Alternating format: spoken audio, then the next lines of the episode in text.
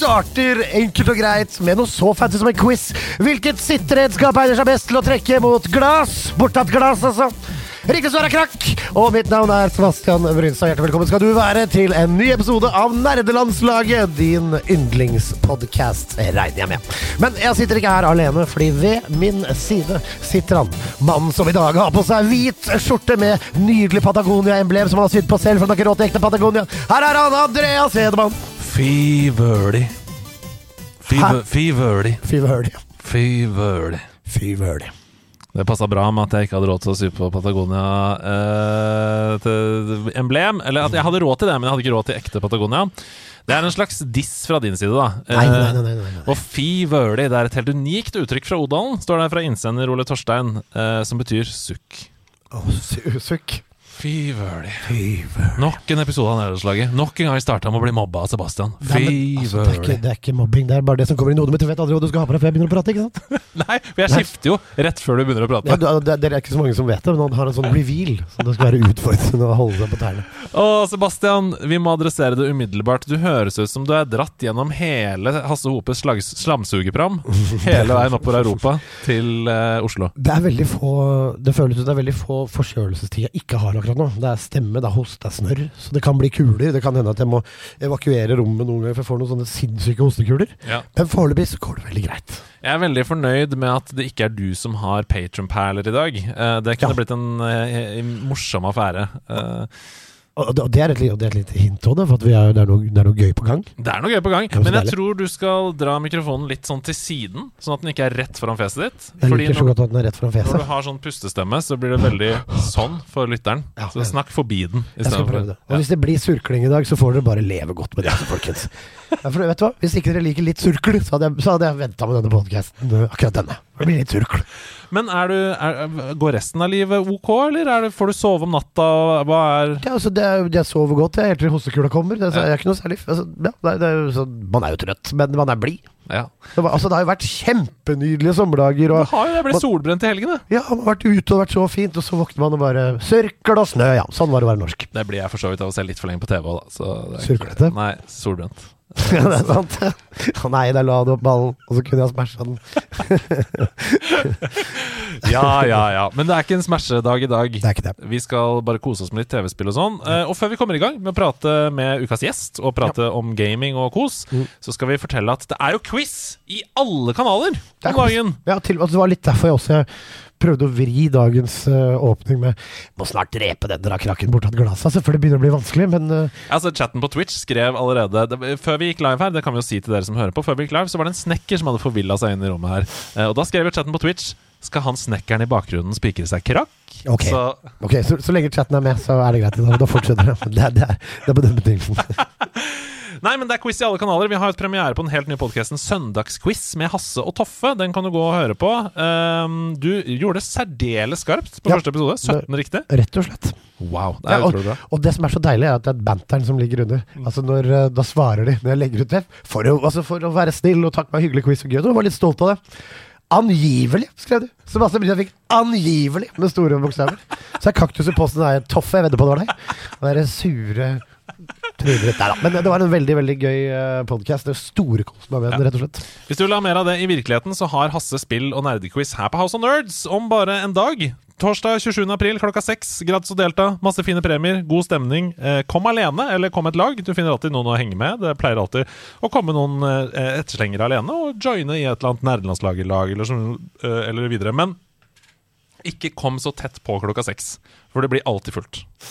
Så vi har måttet vise folk bort i døra, og det vil vi jo aldri gjøre. Eh, vi har ikke noe lyst til det. Vi prøver å stappe folk inn eh, så mye som mulig, men kom litt før seks. Ja, Ikke bli som snekkeren. Pælma ut på grått papir. Ah, men eh, det er masse mer å snakke om. Ikke bare så spiller jo Ida og Blomst konsert på Vulkan Arena nå på lørdag 29. april. Hvis du ikke har billetter, så er det jeg tror det er sånn tre billetter igjen eller noe, så du må prøve å sikre deg det veldig fort. Det er, veldig, det er tre minutter igjen. Det er bra å annonsere, så kommer det ut i morgen. Altså, hvis de fortsatt er der, så Ja, ja, men vi må, jo, vi må jo annonsere sånn at de også tre blir solgt. Um, men det er samtidig som det også nerdelandslaget Meetup her på House of Nerds. Sånn at du kan enten gå og høre på rock, eller du kan game, eller du kan gjøre begge deler. Rock og gaming passer bra sammen, det. det, det høres veldig Rock og gaming. Det høres veldig ut som en hva heter det for sånn initiativ fra en eller annen Ja, fritidsklubb. Ja, rock og Rock gaming. og gaming denne uka på Lambertseterklubben. Ja, Jazz og kurang.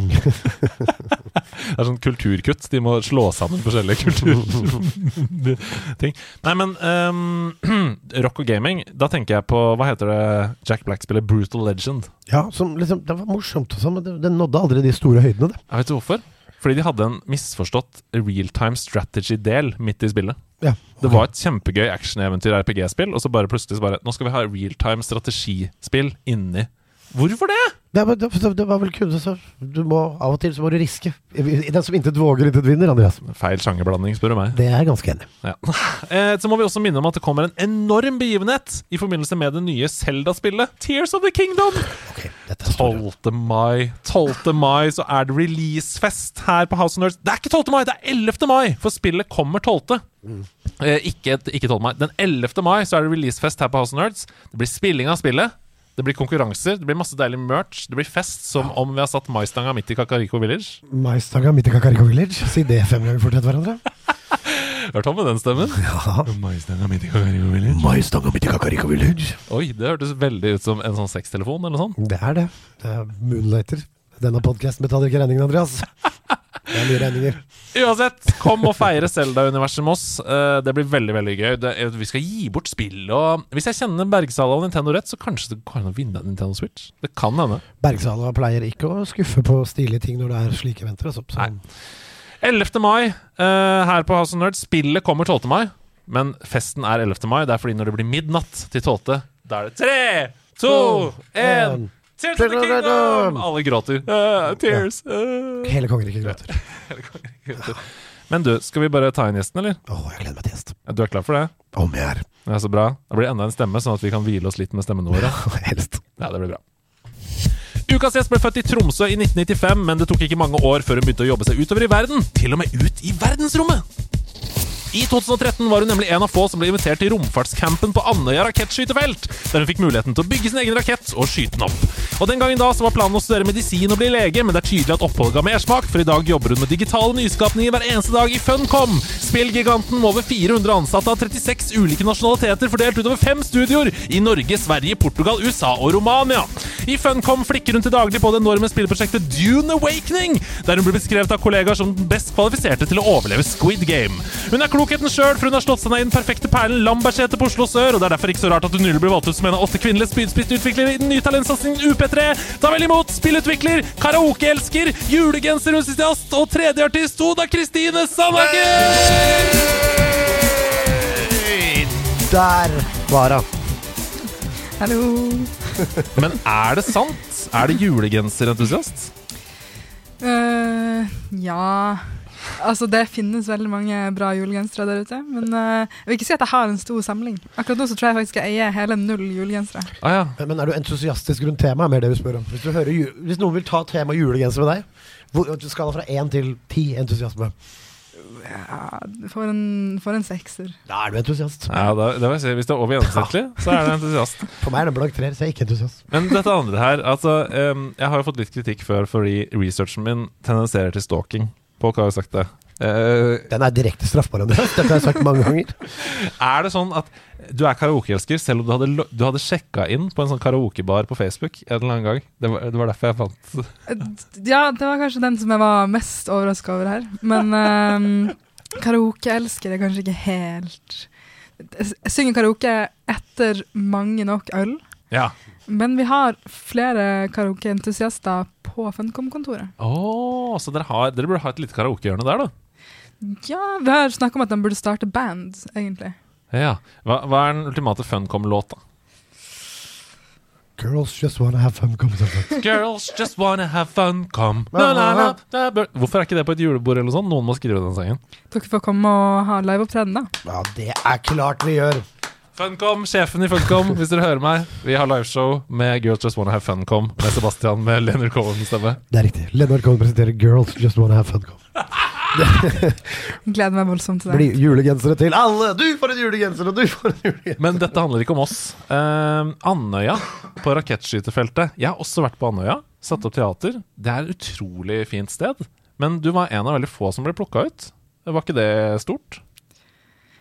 Altså, når jeg kom dit, og det er sånn, det kommer til å være en gjenganger eh, i min historie Jeg føler liksom at jeg faller litt sånn baklengs inn i alle de kule tingene. Oh, ja. uh, og akkurat dette tilfellet så vedda jeg faktisk med fysikklæreren min om at uh, jeg ikke kom til å komme med. Oi. Så mens alle de andre som var der, var der fordi at de var sykt kule og sykt flinke, så var jeg der fordi jeg vedda med fysikklæreren min, og han skrev søknaden for meg. Ok, snakke seg selv ned. Ja, ja, ja. Du var ikke noe flink. De andre var mye flinkere. Jeg tror ikke noe på deg. Du hadde ambisjoner om å bli lege på det tidspunktet. Ja, Og der klarte de å skyte en rakett! Det skjønner jeg ikke. Nei.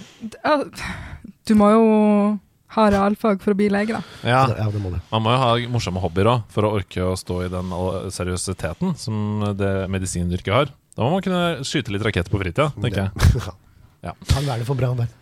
Men eh, hvordan ramla du inn i spilljobbing? altså, du jobber jo i Funcom. Hvordan, hvordan skjedde det? Jo, det, jeg har jo en bachelor i spill, Ja. så først så ramla jeg inn på den bacheloren. Og det var litt sånn Jeg la fra meg det å bli lege s- allerede på videregående, Ja. fordi at det var ikke så kult. Så tenkte jeg sånn Ingeniør, ingeniør er tingen. Mm. Men jeg var ikke så glad i matte, var ikke så glad i fysikk, var ikke så glad i realfag generelt. Som så mange andre. Mm. Så. Jeg ser ikke på deg, jeg bare ser på meg sjøl. Sjøl. så jeg bestemte meg for at OK, jeg skal ta et pauseår, gå Ja. kunsthistorie. Og det var, det var veldig bra. Mm. Kunst er veldig kult, Mhm. syns jeg fortsatt. Mm. Uh, historie ikke, like kult. ikke like kult som kunst. Du, som- du som har studert kunsthistorie, altså, har også hatt et år med kunst- og kulturhistorie via videregående drama og sånn.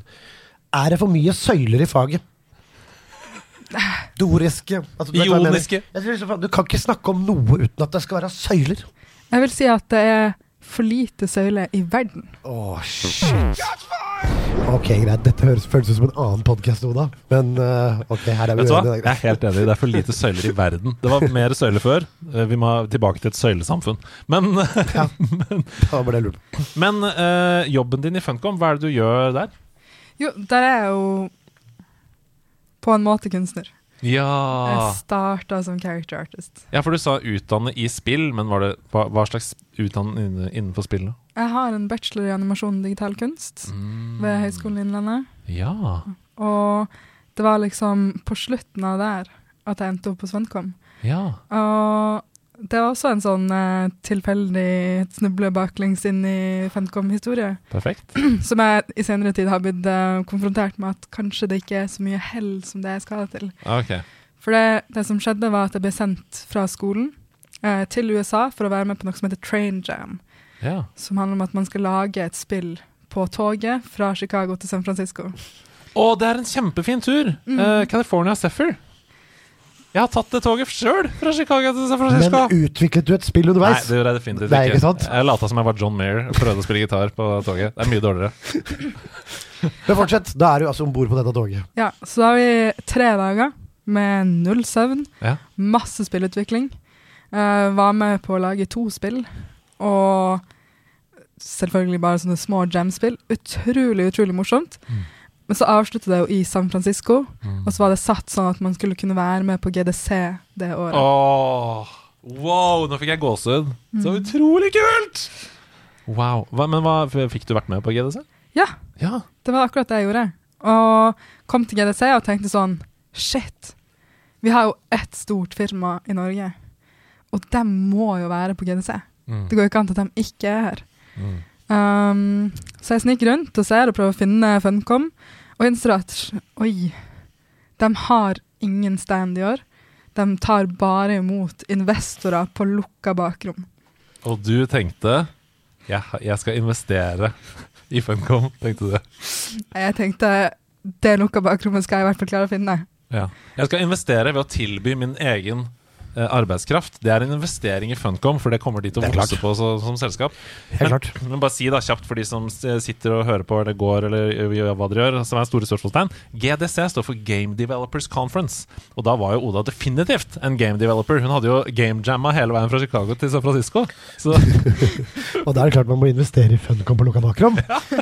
ok, så du snakket en på lukka bakrom. Hvordan fikk du til det? Uh, veldig, veldig lett. Jeg banka på døra. Nordmenn bare Hva?! Det er noen som, noen som tør å banke på døra! Ja, men dette, dette er et lukka bakrom. Ja, men du veit, altså, faen heller når folk banker deg i høflig, vet du. Og ikke åpne. Så du, kom, du ble sluppet inn?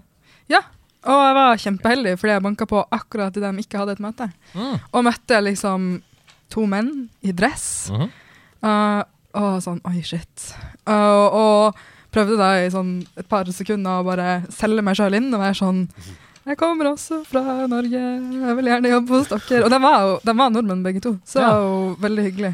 Wow. Mm. Så de ble da umiddelbart sjarmert av denne togreisende utvikleren. Mhm.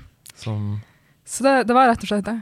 At de, de var så imponert over det faktum at jeg hadde kommet til de der lukka bakgrunnene. Wow. og bare kommet over alle fryktene mine. For det, det som hører til historien, er jo at jeg gikk sikkert syv ganger frem og tilbake rundt det rommet før jeg torde å banke på. Ja. Ah. Så da ble du med på Funcom-toget tilbake igjen til Oslo. jeg fikk i hvert fall et intervju. Når du er en av eh, Nordens største spillselskaper, så har du egen toglinje skjønner du, over Atlanterhavet. Til, Det er sånn det fungerer. Litt sånn Bioshock on the water. Ja. Sånn bare, ja. ja, litt sånn. Bioshock basert på en sann historie. Det er ikke Ja, så mange som vet. er det. Nei, men eh, så gøy. Um, og siden har du jobba i Funcom. Ja, nesten siden det. Godt gradene. Mm. Hva er, det, hva er stillingen din der nå? Akkurat nå så er jeg associate character art lead. Jeg klapper med. Skjønner ikke hva det betyr. Associate Character Art Lead. Jeg hører lead, Jeg hører og jeg tenker sjef. Og så hører jeg associate som om du kjenner noen eller har investert på ordentlig. Character Art Lead. Da, må, da har du noe å si på Da har du bestemmer karakterene, da. Hvordan de skal se ut og oppføre seg og sånn. Jeg er i hvert fall en av de som er med på å bestemme. Så Wow. Jeg ta, gjør ikke så mye kunst lenger. Som Nei. er liksom, det er jo litt trist. Men det, det å være leder betyr gjerne at du hjelper andre til å kunne lage kunst. Til å, ut, ja, til å liksom uh, utfylle sitt potensial, de Mm. andre. Men det betyr også at jeg har tatt på nøyaktig alle karakterene som skal inn i spillet. Alle går vi gjennom. Ja, ikke sant. Vi klapper mye her. Men I tillegg så kan du være sur på folk og provisere når det er en dårlig dag. Vet du hva, Det å være sjef, det er deilig. Da. Men det er jo veldig eh, inspirerende for meg og veldig gøy. Vi, vi snakker jo ofte mye om spill og sånn, men å sitte her med noen som faktisk bestemmer hvordan karakterene skal se ut i spillet som jeg gleder meg til å spille, det er jo Jeg blir litt eh, starstruck av det, altså. for Ja, det er klart ærlig. Ja. Eh, men hva liker du best? Liker du å lage, eller liker du å være med og bestemme liksom, og, og lede og eh, inspirere, da, som jo du gjør? Bare ved å sitte her nå også. Du gjør jo det! Jeg blir inspirert! Nei, det, altså, jeg liker jo kombinasjonen. Jeg er veldig veldig glad i å sitte ned og ikke snakke med noen i mange timer og lage karakterer. Klassisk nordmann. Men uh, å kunne hjelpe andre folk til å oppnå drømmene sine er også helt fantastisk. Ja. Det er et godt svar. Uh, da har vi på en måte etablert deg som eh, Hvorfor du er her, altså som arbeidstaker i Funcom. Men i denne podkasten så liker vi å skru klokka tilbake. Oda Kristine Sandaker, hva var din aller første spillopplevelse? Spillopplevelse, spillopplevelse Spillopplevelse, spillopplevelse, spillopplevelse. Eh, som sikkert veldig mange andre på min alder, så var min aller første spillopplevelse Pokémon. Jeg hadde Pokémon Gold på en eh, Pikachu gul En sånn Gameboy Color. Wow. Kan Lik som den som ligger ligger på hjørnet av hylla der. Akkurat sånn, ja. Det har vi gjort i forbindelse med researchen. Så kjøpte vi en sånn gul color, for vi visste at du hadde det. i Andreas har vært inne på, vært inne på soverommet ditt mens du sover og henta Gameboy. Det skal jeg si deg. Så ille er det blitt. Så ille er det ditt rom blitt nå, Jeg rykker i øynene. Andreas, du trenger ikke være så nøye i researchen at du går inn på soverommet. Researchen. researchen. Men ok, da klikker du til, og det er jo altså, som for så mange andre vil jeg anta en sånn uh, umiddelbar forelskelse, eller? Absolutt. Med Ho-O på coveret av spillet. Det stemmer. Den legendariske fuglen. Um, hva er din favoritt-Pokémon fra Gold? Husker du det? Hvilken som er min favoritt-Pokémon fra Gold, kan jeg ikke si at jeg husker. Nei. For Pokémon-entusiasten i meg slutta jo ikke der. Oi! Uh, så jeg har jo spilt Pokémon ganske mange generasjoner etter det. Wow! Og Fantastisk! det er helt fantastisk, men som harkesjef i denne podkasten, så tenker jeg at her sitter du Nord-Europas villeste Pokémon-entusiast. Kjør en debatt mens jeg går og harker litt. Ja. Sebastian går ut av studio for å ta vare på sin egen helse. Uh, I mellomtiden kan vi snakke om Pokémon. Uh, så gøy! Men, så det var der det begynte, med Pokémon Gold. Og siden, men har du spilt eh, avarter av hovedspillene også? Altså for eksempel jeg vet ikke, Mystery Dungeon og de type spill? Nei. Nei, ikke jeg heller. Eh, nei, jeg har bare, bare spilt uh, ja, flere av generasjonene av de offisielle spillene. Ja. Og så har jeg spilt uh, Pokémon Go. Mm. Så, og så hadde jeg en sånn stor uh, tilbake til begynnelsen-opplevelse med Pokémon Let's Go Eevee for noen år Ja, siden. det skjønner jeg. Det var, det var et spill som virkelig fikk mange Det kom vel midt i covid også. Mm. Så det var et spill som fikk mange tilbake igjen i Pokémon. Eh, men eh, ok, du, du ville ikke si noe om uh, favoritt-Pokémon fra Gold, men da har du kanskje favoritt-Pokémon fra en av de andre spillene? da? Ja, og jeg har jo eh, Det er litt sånn eh, Jeg har et favoritt-team, på en måte. Mm. Men min absolutt favoritt-Pokémon er Gudra. Å, Gudra! Wow, det har jeg aldri hørt noen uh, si før. Uh, evolved fra Sligoo. Mhm. Må brife litt. Jeg var i en sånn quiz, nemlig, her i nederlandslaget, hvor det var sånn Um, Temple of Time Nei, jeg husker ikke hva den, den spalten het, men vi skulle i hvert fall quize hverandre i et uh, tema. og så skulle uh, pong betong. Det skulle gå fram og tilbake. Så annenhver gang så skulle én si noe, uh, helt til ingen, den ene ikke greide å si noe mer. Og da ble vi quiza i Pokémon som har to Evolve steps. For eksempel Squirtle, da, som går til Warturtle og Blastoise. Ikke sant? Og jeg frossa helt.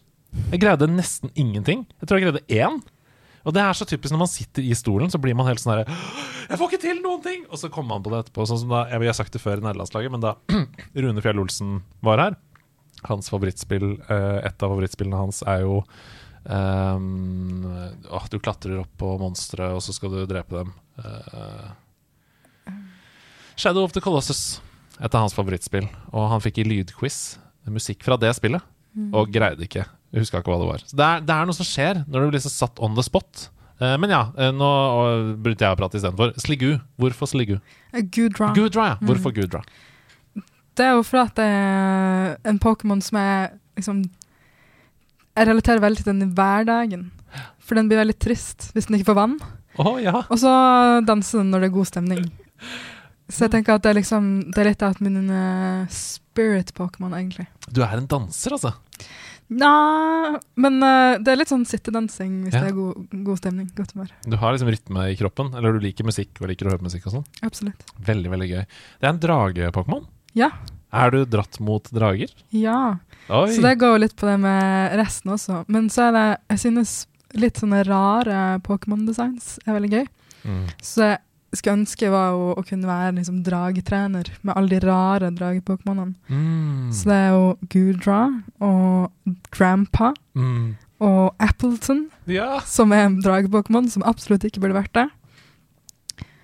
og så har jeg en sånn evig åpen plass for den dagen det kommer en Dragon Evolution. det Åh, Åh, shit, det har jeg aldri tenkt på. En flyvende Eevee med ja, For så vidt så er det flere Ivier som kan tendensere til å ha vinger. da Det er jo noen som vil si at Vaporeon for eksempel Kanskje, Det er en vannpokémon, men har noe tendenser, noen finner som kunne vært Men, eh, men kanskje Ja, hva skulle en drage-evolution av Eevee vært da, uh, Sebastian? Altså Vann-evolution heter for eksempel Vaporeon. Flamme heter Flareon. Jolteon. Jolteon. Hva skulle drage het? Det er for, det er for lett å si Dragion, altså. Scalion.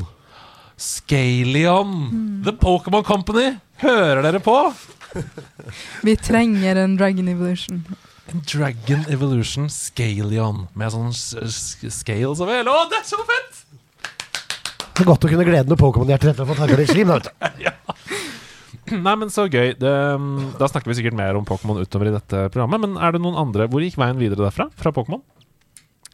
Gold. Um, så jeg spilte mye Pokémon, Mm. og så var det liksom Det var litt rolig.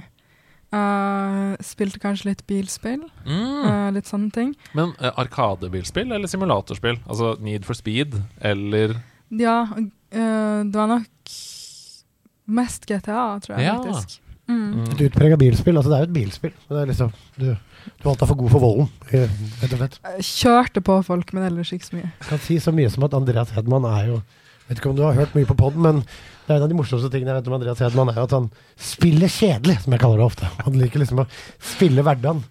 Kan ikke du si jeg skal snakke om GTA5, liksom? Sånn.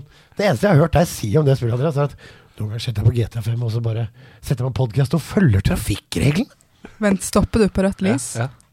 Altså, han følger alle trafikkregler, blinker i svingen. og- Å, jeg trodde du ble glad, jeg. Du ble veldig frustrert og oppgitt.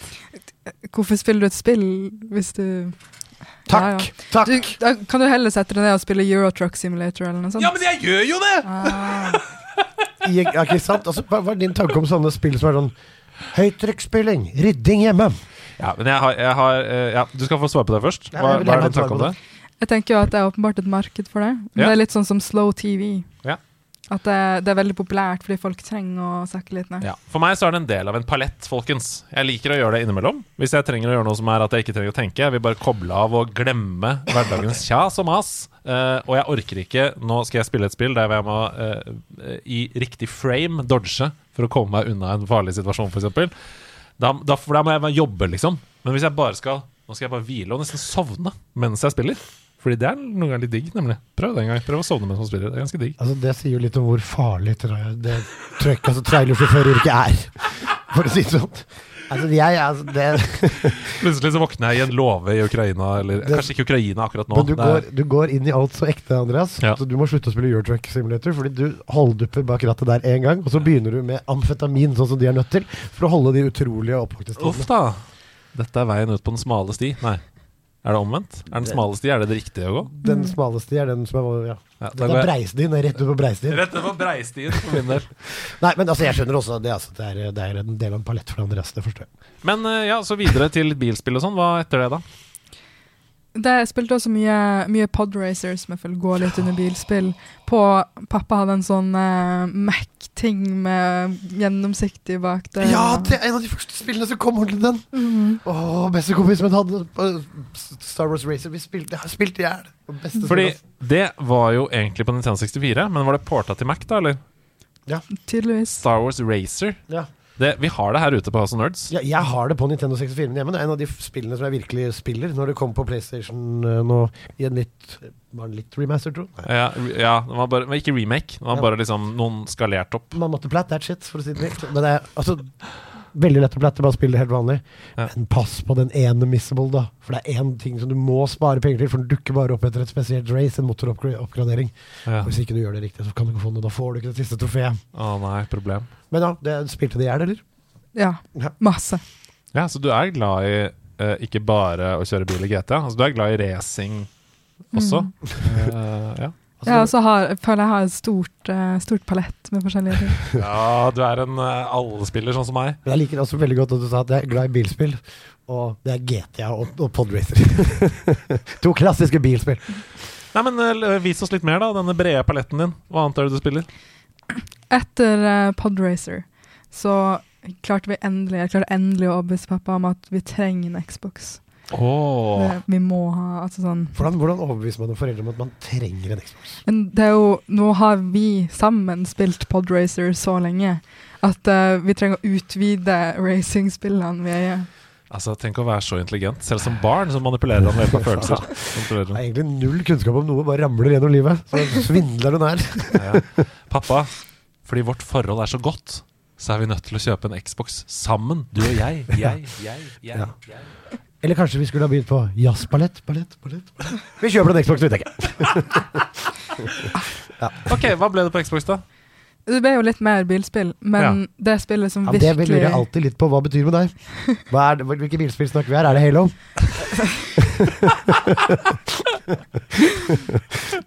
Tja Det, det husker jeg faktisk ikke hvilket bilspill det var. Jeg husker bare at vi kjøpte ratt og pedaler til. Å, ja, det er jo avansert, da. Det er jo Jeg er fortsatt ikke overbevist om at det er et bilspill. Dere spilte Halo sammen, og hver gang det kom en sånn Hva heter de bilene? De der, uh, Nei, bi bilene hele, Hver gang det kom til det, så var det sånn Fram med rattet og pedalene! Nå skal jeg spille! Jeg sitter og spiller Call of Juarez med ratt og pedal. Kan jo legge inn at uh, teknisk sett er Mass Effect også et bilspill. For du har jo Ja. Du har jo sånne kjedelige level med forbanna bilen som du uh, prøver så hardt å styre i riktig retning. Jeg ser allerede hvor memen i denne episoden kommer til å havne. Eh, og det er jo sånn at veldig mange av gjestene som også er i nederlandslaget, som er på Discord, får sin egen emoji. Blir noen ratt og pedaler på Og etter det så har du bare brukt ratt og pedaler, eller? Galt. Nei, jeg Nei, har nok men- ikke det. Men hvilket bilspill, sånn helt seriøst, da? Eh, Det var, det var faktisk ikke et bilspill. Uh, på den Xboxen så var det spillet som gjorde mest inntrykk, Nei. eh, det var det som heter Blood Rain.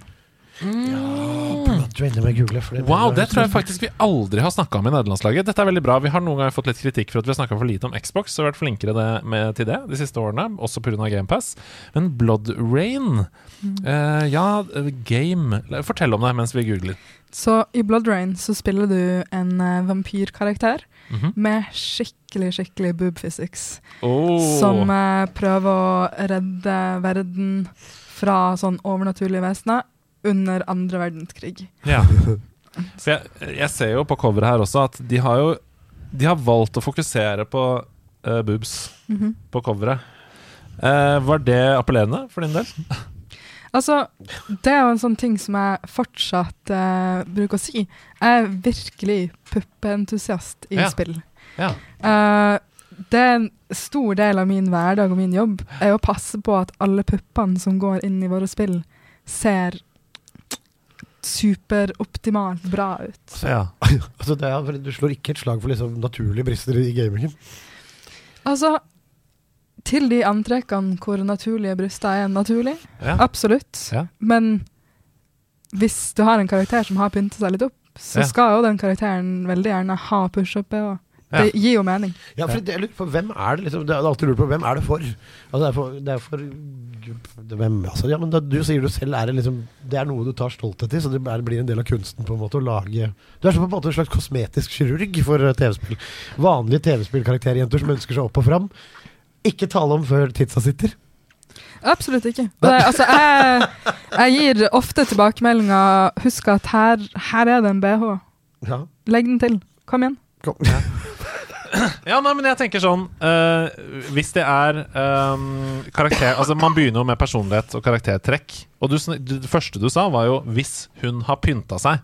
Ikke sant? Så det er åpenbart så legger du det på personligheten at hun ønsker å fremstå på den måten. Altså hun ønsker å ha push-up BH fordi det er et eh, Ja, som, som vi snakker, har snakket med Bajonetta før, da. Det er en måte å assert dominance på, på en måte, som personlighet. Er det det du kjenner på, eller er det bare Det er finere, det er penere med tydelige pupper? Altså, det er jo Det er jo en del av helhetsopplevelsen. Det er både det at det er mer estetisk. Altså sånn Vi ønsker jo å ha en estetisk solett Mm. Uh, det passer til skjønnhetsstandardene som er nå. Mm. Um, og så er det jo Altså, det er en mangfoldsting, ikke sant. Du Ja. kan ikke Du skal ikke ha liksom det samme på alle. Det skal være litt forskjellig. Ja, ja, ja. Eh, det skal si litt om karakterer. Altså, det er jo uh, Når vi lager karakterer, så lager vi jo eh, veldig mange av karakterene til spillerne våre. ja. Uh, og da er det jo snakk om at folk ønsker å oppleve en sånn spillerfantasi. Mm. Og da er det jo klart at uh, hvis du liksom har rett rygg og kan skyte brystet frem og si at i dag så har jeg på push-up-BH-en fordi jeg føler meg bra, Mm. så hjelper det å bygge den uh, Ja, for det er det. er der Ja, fordi jeg det- det også tenker. Ja, fordi altså, Dette er jo en debatt selvfølgelig som kan gå i dybden på mange ting og kjønnsidealer og sånt, så vi trenger ikke å gå dit nå. Men, men hvis du skal lage ei, ei 70 år gammel bondekone som har jobba hele livet sitt, hun knekker ryggen i åkeren, går i filler Hun har ikke magnificent eh, Hollywood-tits. Nei, men hun har utrolig bra karakter på andre måter. Det, det er nettopp det, det er- for da er det greit. Ja, det er det jeg tenker. ja, altså, ja, det, den debatten får vi ta seinere. Den raser alltid. Det jeg syns er fascinerende her, Det er at jeg hører masse kunsthistorie. Når du snakker. Jeg hører masse kunsthistorie. Hvis du, du snakker om eh, silhuetter, f.eks., og eh, hvis du ser på kunst, romersk, eh, antikken og kunst og sånn, alt er jo det, Der er det i hvert fall fokus på pupper. Det Jo. kan vi si Men umiddelbart. det er lite push-up i antikken. Det er sant, men puppene står av seg selv. Ja. etter hvert som tiden har utviklet seg, så gjør det ikke det lenger. Nei, og så er det blir noe, mm, er det mye søyler i Funcom om dagen. Eh, der kommer vi vel inn på en sånn uh, Det kan jeg ikke snakke om. Ting. Shit! Confirmed Dune Awakening fullt av søyler! ja. Å, shit. Eller søyle. Eller søyle. Det er et slags bilspill. Det er veldig vanskelig å forklare. Eh, Overskrift på gamer.no. Dune Awakening? Søyleløst? Eller så kan dere jo få fra meg at sånn Kanskje Dune Awakening er et bilspill, egentlig. Kjøp ratt og pedaler, gamers! Kan spilles med ratt og pedaler, ja. Shit. Det, det er fett. Ja, det er veldig fett. Men ok, uh, videre. Uh, har du lyst til å liksom trekke fram et par-tre spill til som har gjort deg til den gameren du er i dag, for å utforske denne brede paletten? Absolutt. Um, tre forskjellige spill. Uh, Ja, ja, i-. Ja, i researchen så uh, vi, Jeg tenker at vi kan liksom Vi har blitt godt kjent med deg nå som spiller. Men uh, i researchen så spurte jeg sånn Er det tre spill du har som ikke nødvendigvis trenger å være de beste noensinne, men som du har lyst til å snakke om, da? Um, og trekke fram? Absolutt. Uh, det første av de tre er et spill som heter To the Moon. Åh! Mm. Gråtespill, Ja. Nomber og Uno. Eh, Ja, det, det er lov å ikke gråte av det. Jeg skal ikke si at du er en psykopat hvis du ikke gråter av det, men du er en psykopat hvis du ikke gråter av det. Oi. Shots fired. Nei da, jeg, jeg, trekker tilbake alt. Ikke hold det mot meg. Ja, ok, fortell. To the moon. Ja. Uh, det er absolutt uh, masse, masse tårer fra min side også. Det er en, det er en sånt lite 2D pixel-art-spill, hvor du spiller to doktorer som prøver å gå inn i liksom bakgrunnen til en person for å kunne oppfylle hans største drøm, som er å dra til månen. Uh, og gjennom spillet så prøvde jeg liksom å gå gjennom oppveksten hans for å prøve å finne ut av hva er det egentlig som er grunnen til at han vil til månen. Uh, og det viser seg å Ah, være spoiler alert. en vakker kjærlighetshistorie. Ok. Og disse to legene de jobber jo med dette til vanlig. De gjør ikke dette bare med denne personen. Det er bare det som er på en måte missionet ditt i det spillet. Eh, de prøver å la folk få oppleve sin største drøm digitalt, på en måte, da, eh, før de dør. Det er det som er poenget. Det er litt som Spiritfarer. At du må fullføre en slags mission før du skal eh, lede noen inn i etterriket. Det er litt det også disse doktorene gjør. da Litt sånn psychonauts inni hodet og finne hva problemet er. sånn. Det er utrolig vakkert. Vet du hva, dette, det, hvor, er det, hvor spiller jeg det, Steam, for eksempel. for eksempel? Jeg tror nesten det er gratis. Jeg. Det er Jeg tror det koster sånn Kanskje det koster 100 kroner. Jeg tror jeg så på Ja. det i går, faktisk. Det, det er, du finner det veldig mange steder. Jeg blir ikke overraska hvis det er på GamePass heller. For Hvor lang- Hvor lang tid tar det å spille det? Å, det tar ikke lang tid, altså. Det er noen timer. Ja, To-tre timer. God kveld. Veldig, veldig Utrolig god kveld, men pass på følelsene dine. For det er Kjøp eh, sjokolade. Kjøp Jeg kommer altså uansett, jeg blir nødt til å si at jeg grein her i går, ellers så får du jo det verste stempelet du kan få. Nei da, jeg sier ikke at du må grine, men jeg bare sier at uh, uh, Ja. Jeg har sett folk streame det, som måtte slutte streamen. For å si det sånn. Ok, To the Moon. Et fantastisk uh, stykke kunst. Hvis man, hvis man er glad i små opplevelser, sånn som f.eks. What Remains of Edith Finch, og ikke har spilt To the Moon, få det på umiddelbart. Det kan godt hende at artstilen er litt sånn polariserende. Ligner litt på Pokémon. Eh, tidlig Pokémon, liksom. Sånn top down, isometrisk eh, type animasjon. Eh, men historien og karakterene og alt er bare ja, Det er utrolig hvor mye de greier å fortelle på så kort tid, da, syns jeg. Helt klart. Neste spill, er mer? Er det mer juice? Så neste spill, eller neste spillopplevelse Mm. som jeg skrev opp, er eh, Slenderman. Oh, shit! Og det er gøy at du skal si det, fordi jeg har også spilt det, men jeg fikk lov til å være jeg fikk lov til å være Andreas sidemakker på Vi hadde eh, 72 timer stream for Mental Helse Ungdom. Uh, og da satt vi akkurat der hvor han sitter nå omtrent, faktisk. Midt på data.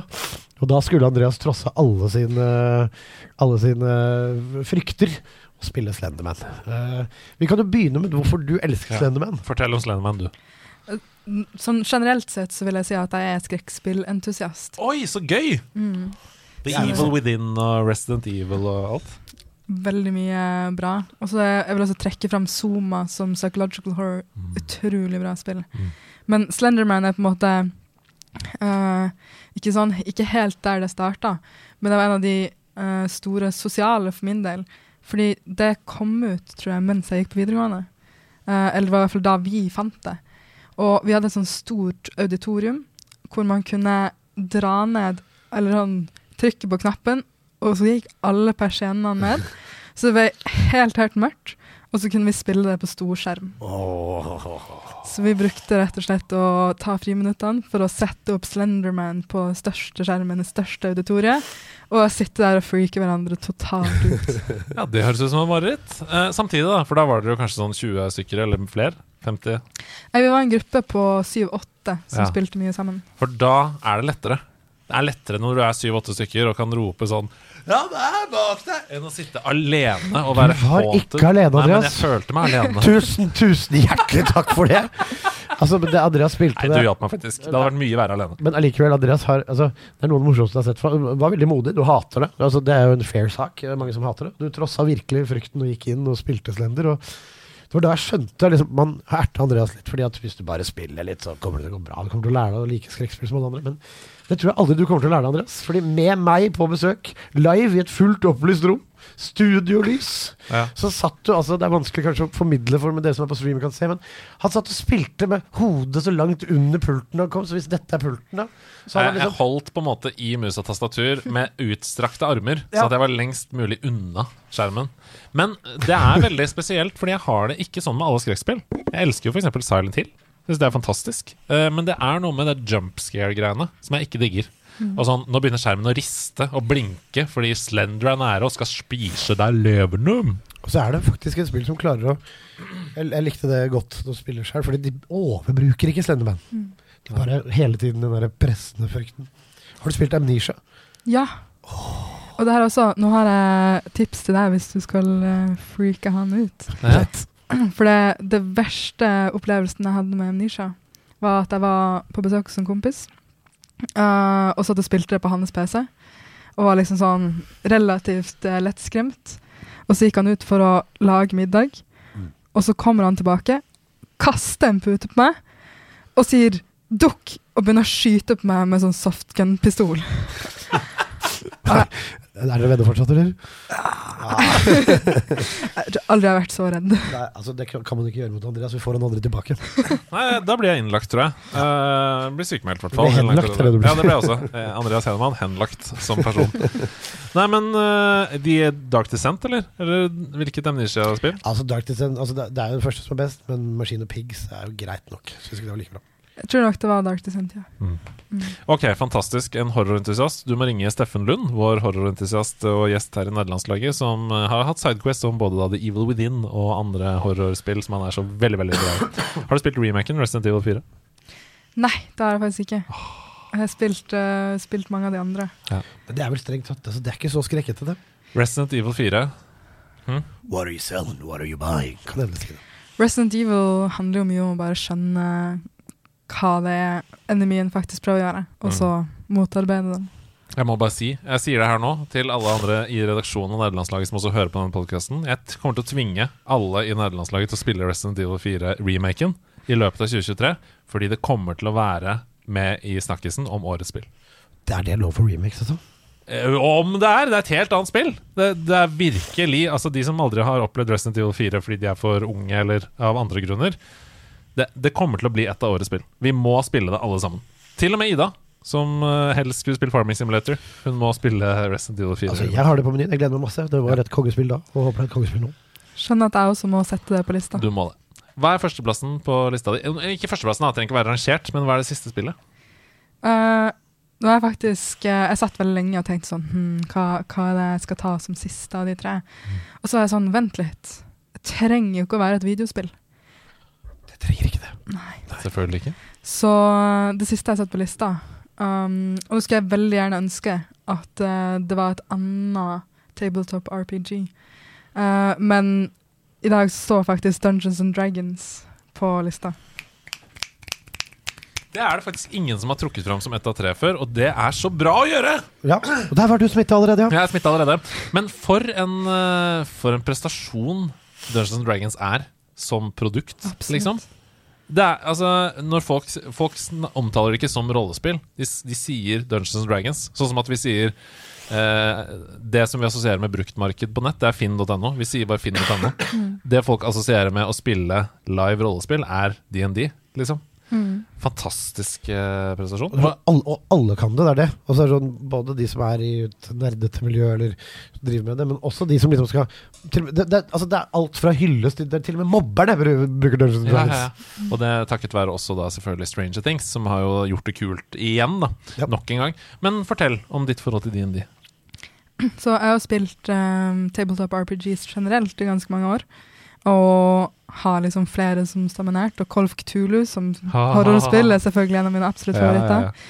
Um, men grunnen til at jeg ville dra frem DND, er jo fordi at uh, det har Altså, det er så mange kule ting man kan gjøre det. Og noe av det som jeg kanskje syns er morsomst, er å ta den store, skumle planen til den som er Dungeon Master, og si at pff, liksom at du skal ta oss på det. Så um, jeg har en veldig veldig bra session hvor eh, Dungeon Master hadde satt opp kjempestor bossfight, masse masse folk, og så en manticore i midten. Wow. Som for de som ikke vet, er et sånt stort uh, løvevesen med litt diverse og masse tenner. Ja. Mm. Skummel, skummel sak. Mhm. Um, og det vi gjorde, var at uh, wizarden vår gjorde karakteren min usynlig. Og så gikk jeg inn, åpna buret til manticoren, som spiste alle andre i bossfighten. Uh, og deretter var, var for mett til å ta resten av oss. Dette, dette, dette er sterkt. Wow! Tenk å manipulere Nok en gang har du manipulert noen rundt deg til å gjøre som du vil. Hvor, og hvor mange, mange Dungeons Masters har dere vært igjennom? De som bare smeller med hele dungeon. Vet du hva, jeg går igjen. Tusen hjertelig takk skal du faen meg ha, Oda. Vet du hva, hvis du ikke har lyst til å spille spill, så spiller jeg vel, så vil jeg ikke være Dungeon Master mer. Hvor mange ganger har det skjedd? Uh, altså, det, det har faktisk helt aldri skjedd, men jeg har blitt veldig mye straffa for å ødelegge bossfights på den måten. Ja. Eh, også fordi be- bestekompisen din kommer løpende ut fra kjøkkenet med softgun og begynner å skyte på Dungeon Masteren. Ja, Det er også en faktor til at folk ikke har lyst til å være her. Bor i et slags, bor i et slags helvete. Nei, men fantastisk, utrolig gøy. Eh, Jeg spør deg jo også i mm, forkant om du har noen historier knytta til spill. Eh, og det er bare en bonus, altså. Hvis du sitter på en sånn Ja, jeg husker den gangen da jeg egentlig skulle kjøpe Resident Evil, men så endte jeg opp med å kjøpe bananer isteden. har du noen sånne historier? Hvis du har en sånn historie, så kan du godt spare oss og gå videre. Um, jeg har tatt med historien om hvordan jeg gikk fra det som jeg kaller liksom, spiller til gamer. Um, Vil du ha noe sånn eh, rolig sånn bakgrunnsmusikk som Ja. gjør historien her fantastisk, Du, eller? ja, du får, du vet hva, du, det, det er ikke noe valg her. Nei, du skal ha Hva skal vi ha da? Ok, vent, jeg skal. Eh, f- Og nå kommer historien om hvordan Oda gikk fra en helt vanlig casual-spiller til lidenskapelig og ihuga gamer. Gamer, gamer. ja. Så på videregående så uh, var vi jo som sagt en gjeng som brukte å spille litt sammen. Uh, enn så lenge så var jeg bare liksom casual spiller. Uh, og så hele den gruppa spilte, eller gama, alle sammen League of Legends. Og jeg sa veldig, veldig lenge at det her kan jeg ikke være med på. Tar så mye tid. Altså, gaming er ikke for meg. Jeg kommer aldri til å holde på med det. Jeg, er liksom, jeg er for, for normie for det. Uh, og så tok han som var kjæresten min på det tidspunktet, og lagde en bruker med online-nikket mitt. Og trua med å begynne å spille på min bruker. Og liksom sette seg ned og sette seg inn i queue. Og jeg var helt sånn Nei! Det får du faktisk ikke lov til. Du kan ikke spille på min bruker som du lagde for å plage meg. For å late som han var der, liksom. Så det er på en måte identitetstyveri òg, føler jeg. Ja. Så det var jo for å, for å irritere meg inntil å starte å spille League of Legends. Dere, du har mange manipulerende folk i livet ditt. Var, var det da det ble slutt? Er det øyeblikket det ble slutt? Eller? Nei, det, det var ikke øyeblikket det ble slutt. Det var øyeblikket jeg gikk fra, fra spiller til gamer. Ja, og da begynte du Og da åpna en online competitive verden for deg. Mm. Spilt mye LOL, eller? Jeg har spilt veldig mye LOL siden det. Eh, veldig, veldig mye med den gruppa. Og uh, rett og slett bare åpna, som du sier, verden av online competitive spilling. Uh, og så har jeg blitt calla ut på at liksom liksom blir veldig oppglødd, blir veldig sånn sint. Kan bli skikkelig, skikkelig uh, aggressiv. Men prøver jo å holde det, holde det inni meg og liksom spille hardt ut. Jeg syns det er et sunnhetstegn. Det viser bare at du er investert og har lyst til å gjøre det bra. Og det skal de andre i gruppa di være glad for. Fordi de som ikke bryr seg, og bare sier sånn Nei, det er samme for meg om jeg vinner eller taper. De, de syns ikke Stian spesielt da at det er noe gøy å spille med. Nei. Det er, altså, det er samme for om du vinner eller taper. Ja, men da får du spille for deg sjøl og tape litt, da. Vi som liker å vinne, vi spiller kompetitivt. For kompetitivt blir å vinne der, skjønner du. Ja, da du deler ut diplomer til alle, alle får diplom. Litt ekspert til alle, men jeg foretrekker å vinne. Skal ha medaljer. Jeg skal play the game. Det er ikke deltaker med medalje på LOL. Det er ikke. Det er shots fired. Det er ikke deltakermedalje i LOL. Åh, vi må ha det som sitat over eh, John Marston borti hjørnet her, tror jeg. Ja, men for dere som har lyst til å duppe tærne i competitive gaming, så kommer det til å bli en del tap. Men bare for gruppa som skyld, lat som at du syns det var litt ergerlig, da. Hva spiller du nå om dagen, da, Oda? Uh, nå om dagen så spiller jeg mest sammen med andre, Ja. men hovedsakelig singleplayer-spill.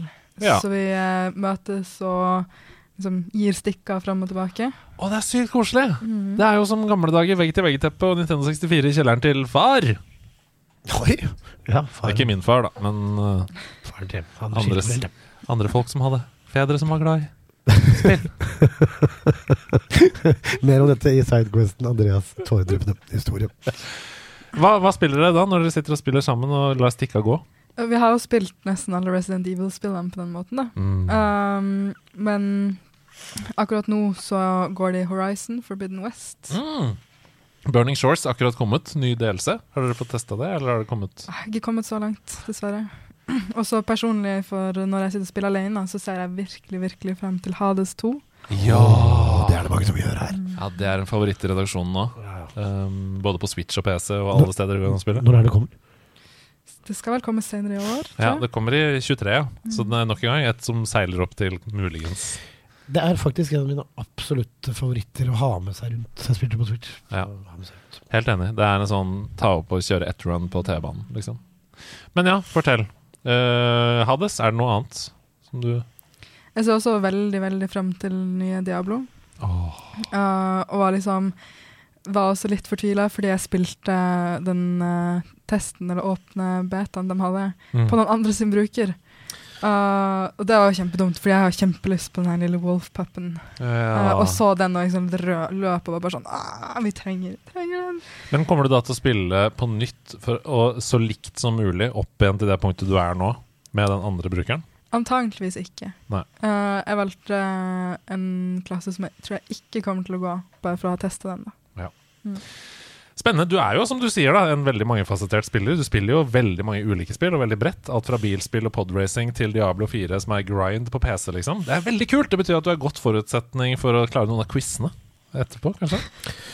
Ja, jeg, jeg merker jo at Merker at jeg gruer meg til det. Ikke bare har jeg stemme, men Jeg var lei av å bli knust. rett og slett.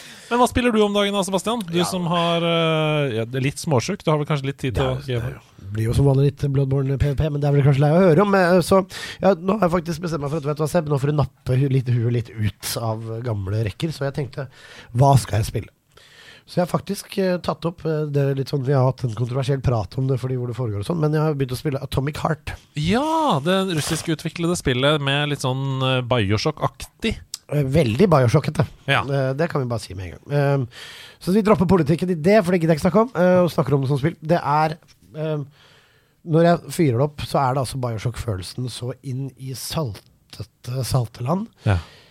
Og det er så vakkert, altså. Ja. Det er noe av sånn stilmessig og noe av det som har liksom bare virkelig sugd meg inn uh, estetisk. Det er jo litt sånn sovjetisk, fascistisk eh, brutalisme.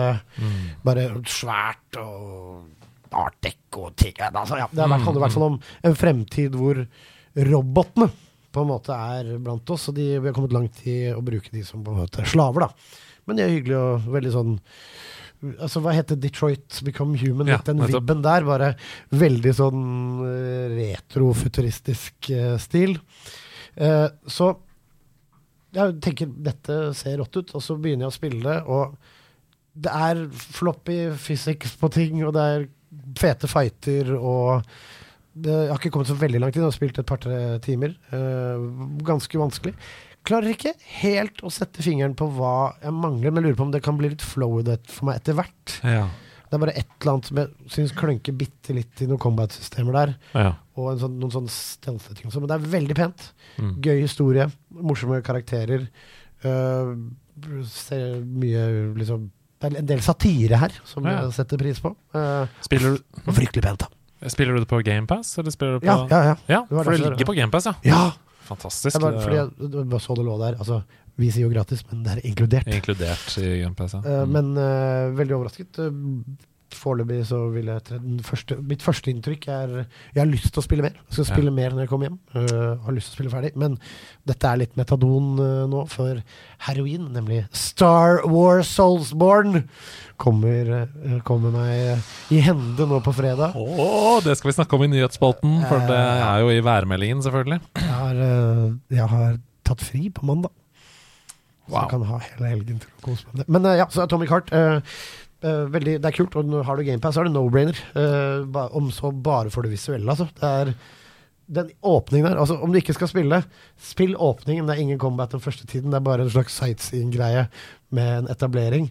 It blew my mind okay. for en verden. Altså. Wow, det skal jeg gjøre også. Men uh, du må kanskje være glad i skytespill, eller? Etter hvert. Det er fortrinnsvis lurt, ja.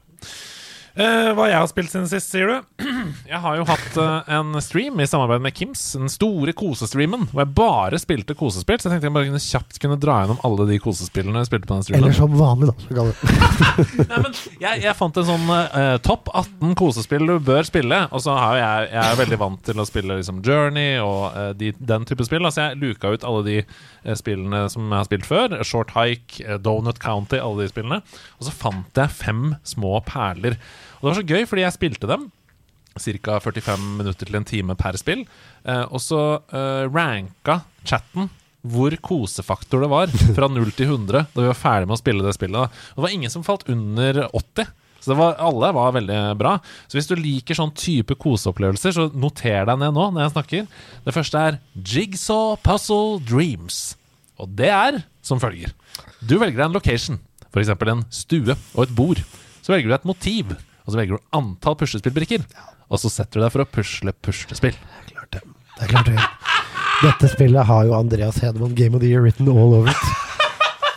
Nei, men um, eh, hvis du nok en gang Øh, Tømme hjernen.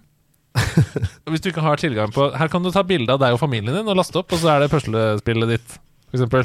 Ikke sant?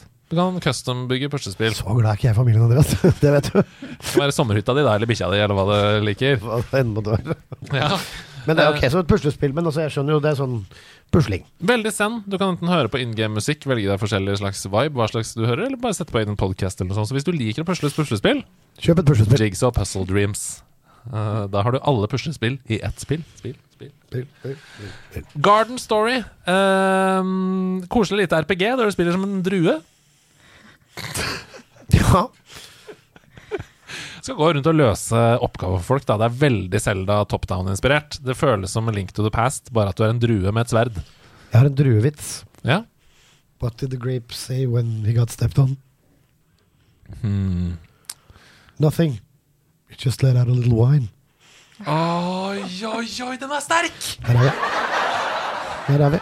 Den er veldig, veldig sterk. Det er en druevits, da, for de som vil ha den. Ja, det er, det er en meget god druevits. Nei, men Garden Story. Du er en drue som hjelper en frosk med å løse ting. Eh, Du dreper slemminger og går rundt og Innimellom så er det sånn Å nei, broa var ødelagt. Men hva med disse lyssignalene? Hvordan må jeg sette de i riktig rekkefølge for at broa skal bygge seg opp igjen? Altså veldig Selda, ikke sant? Ja. Det er små hm? Ja, nei, ja, det er små dungeons, det er små quester. Det er, hvis du liker Selda og synes du har lyst på et koselig kosespill, Garden Story. Vi skal til Coffee Talk. Coffee Talk. Du jobber som barista på en kafé. Får kunder inn, må høre på deres livshistorier og hjelpe dem, ikke hjelpe dem, og lage favorittkaffen deres til dem. Noen liker karamell, noen liker sjokolade, andre liker dobbel espresso. Er På, på jobb, da. Som barista. ja, du jobber som barista, men så har de alle er forskjellige. Og der snakker vi eh, Der var det puppefysics Ja. på gjestene som kom inn. På gjestene som kom inn. Det høres ut som akkurat det du trenger for å slappe av. Vi skal videre til Cozy Grove. Cozy Grove. Cozy Grove. Veldig, veldig kosespill. Uh, litt, du, du kommer til en øy som en ny innbygger. Føles litt som en blanding av Animal Crossing og det Zelda-spillet jeg nettopp refererte til. Du må gjøre små quests og sånn og bygge opp campen din, men der er det bamser som har dødd opp igjennom, små bjørner som har dødd, som du må da hjelpe litt som i Spiritfarer med sine siste ønsker før du skal. Så veldig, veldig koselig, veldig vemodig, eh, men veldig bra. Et av de spillene som kom øverst på eh, kosefaktor. Til slutt, nå skal jeg slutte å snakke om kosespill. Sizable. Sizable. Sizable. En gang til. Sizable. Takk. Eh, som i størrelse og able. Eh, Riktig. Riktig, riktig. da vet dere hva ordet betyr. Ja. Og det er rett og slett et puzzlespill, hvor du bare blir presentert for et lite puzzle, og så må du løse puzzlet ved å gjøre ting større eller mindre. Uh, for at de skal passe inn i forskjellige steder. For eksempel så er det en øy med et bål på og noen trær rundt, og så er det sånn OK, uh, hvor er det forskjellige ting gjemt her? Å ja, hvis jeg, hvis jeg lukker bålet ned, da blir det vinter. Fordi bålet slukker. Altså det er Ja. Du, du på en måte Du scroller i forskjellige retninger på forskjellige ting, og da skjer det ulike ting i Litt som Captain Toad, Treasure Tracker. Ikke ulikt det. Sånn ser det ut. Sånn føles det. Ja, Eh, fess, kanskje. ja. ja, absolutt. Litt sånn Fez-aktig også. Hva var det het, sa du? Sizable. Takk. Sizable. Jeg tenker bare på den memen med de der, eh, det er en sånn bøtte med forskjellige hull i, Ja. hvor de putter alt, kua putter alt i det firkantige hullet. For det er jo på, Det har jeg aldri skjønt. Alt passer inn i firkanten. Ja. Trekanten passer inn i firkanten. Ja. Den IQ-testen er meningsløs. IQ-test. Og med eh, det som siste ord, at IQ-testen er meningsløs, og sizable, Sizable. så skal vi gå videre til eh, noe jeg mistenker har potensial til å bli tidenes mest episke Ha med, ha med dag, hey, hey. Ha med, ha med dag. Ha med ting etter ditt behag. Lurer skikkelig på hva Oda hun har med. Oda Una med! Jeg har i hvert fall glemt gjenstemmen min hjemme et sted. For Oda hun har tatt med seg noe som hun dreiv og rigga Rigga. før vi kom inn i studio. Og jeg er spent på hva det er. Hva har hun rigga for noe som vi ikke har sett? Å gjette det, det er rett og slett umulig, rett og slett. Hun spurte meg om noen gjest har hatt med fruktsalat. Og jeg sa hva er det for noe spørsmålet? Og det jeg har med deg. Sizable. Ok, eh, Oda spurte Har noen gjester hatt med fruktsalat. Og så begynte hun å rigge opp, og jeg kunne ikke se, for jeg ville ikke bli spoila. Men hun holdt på i en sånn 10-12 minutter med å rigge sammen dagens ha med-dag. Og hun bøyer seg. Og det er Hva er dette? Det er en mango, en paprika, banan, som har kobla til seg kabler. Helt sjukt. Hva Vent, da. Vi må, jeg må snu på kameraet her. Sånn at vi, mens du forteller om uh, til Sebastian hva det er du har tatt med. Ja, jeg, altså, jeg ser en Ja, nå kobler du til tomat. det, altså, det er frukt med masse ledninger. Uh, ja, jeg hører at det er det du sier, men det her er altså en uh, fullt funksjonell gamepad. Nei! Det er det selvfølgelig! Du har kommet. Så det X er mango og paprika er runding? Altså, er det Nei! Hva? Wow! Nå, dette, dette er faktisk den mest episke hamburgeren, med mindre alt er løgn. Ok, Demonstrer for oss. Kan du demonstrere det? Eller?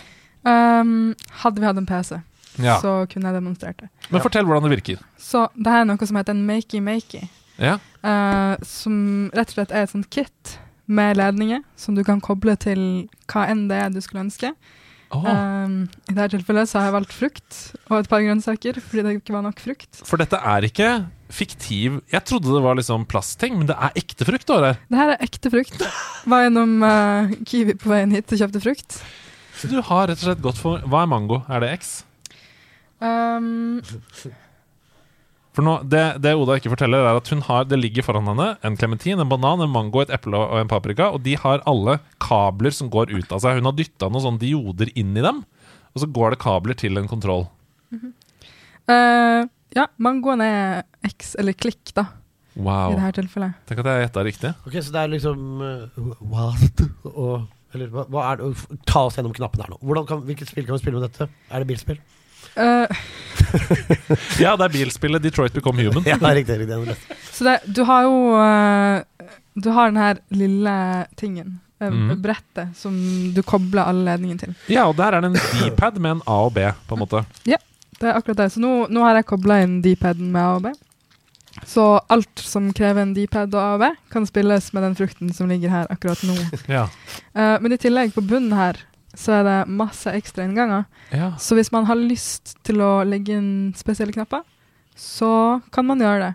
Så når jeg eh, prøvde å få tak i den her tidligere i uka, eller rett og slett i går, mm. eh, for å kunne ha den med, så var det en på kontoret mitt som sa at oi, shit. Jeg tror det er noen som har fullført Dark Souls bare ved bruk av bananer. Bare med bananer. Ja. Så han Ok. kobla opp en sånn her til, uh, til en rekke bananer. Challenge accepted. Så når du slår på bananen, da nei, nei. ja, ta, men det er, det er helt innafor å si. Når du slår på bananen, da går du til venstre, f.eks. Det er helt korrekt. Så Ja, ja, ja, ja, ja, du retter på kamera. Ja, altså, så dette er, eh, dette er fremtiden. Tja. Det, altså, det, det er jo teknologi som har vart i noen år allerede. Men sånn bruksområdemessig er det jo faktisk ikke så dumt. Du kan jo lage altså Vi har snakket om det her før, med sånn folk med, med hva heter? Funksjonsnedsettelser, f.eks. Ja, Eller ikke nedsettelser, da. Funksjonsutfordringer uh, er det det? Jeg vet ikke pokker hva det heter lenger. Det er vanskelig, det er en jungel av ord. Jeg beklager hvis jeg sa det feil, men du skjønner hva jeg mener. Ja. Men da kan man bruke det til å finne løsninger, da. Altså, ikke sant? Som når ting som er bra, funker for deg. På. Absolutt. Ja. Nei, men Det er jo helt fantastisk. Altså en slags D-pad og noen A og B som du kan koble til hva du vil. Trenger ikke være frukt. Nei. Og det er uh, første gangen jeg møtte en, uh, en makey-makey.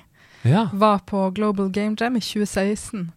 Og da hadde altså um, tre personer fra Hamar Game Collective, eller de jobba der på det tidspunktet, lagd et spill som heter Slap That Brødskive.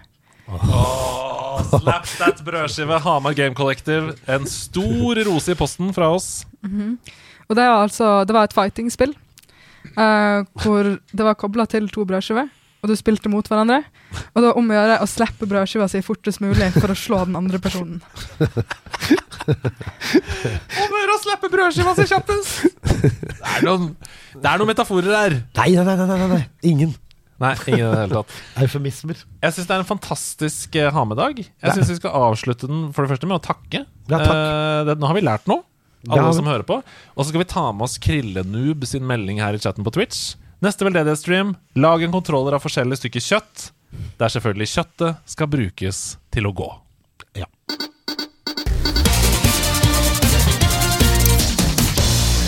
Fy vøli! Mitt navn er Andreas Edman, og dette her, det er Nerdenytt.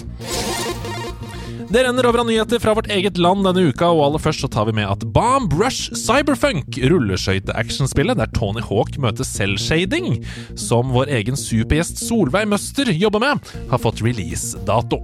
18. august i år kan du spille det som ser ut som en fargebombe, inspirert av Jet Set Radio. Flere nerdelandslagsspillere markerer seg. Vår egen Heartstone-legende Nuclear Ape tok nemlig tredjeplass i sluttspillet av vårens Telialiga! For de som ikke kjenner historien om Nuclear Ape, så gikk han hen og vant Telialigaen høsten 2021 etter å ha oppdaget Heartstone gjennom nerdelandslaget. Nå er han altså på pallen igjen. Nuclear Ape ble kun slått av Gjerstad, som vant sin andre Telialiga-tittel, og Devo. Vi gratulerer!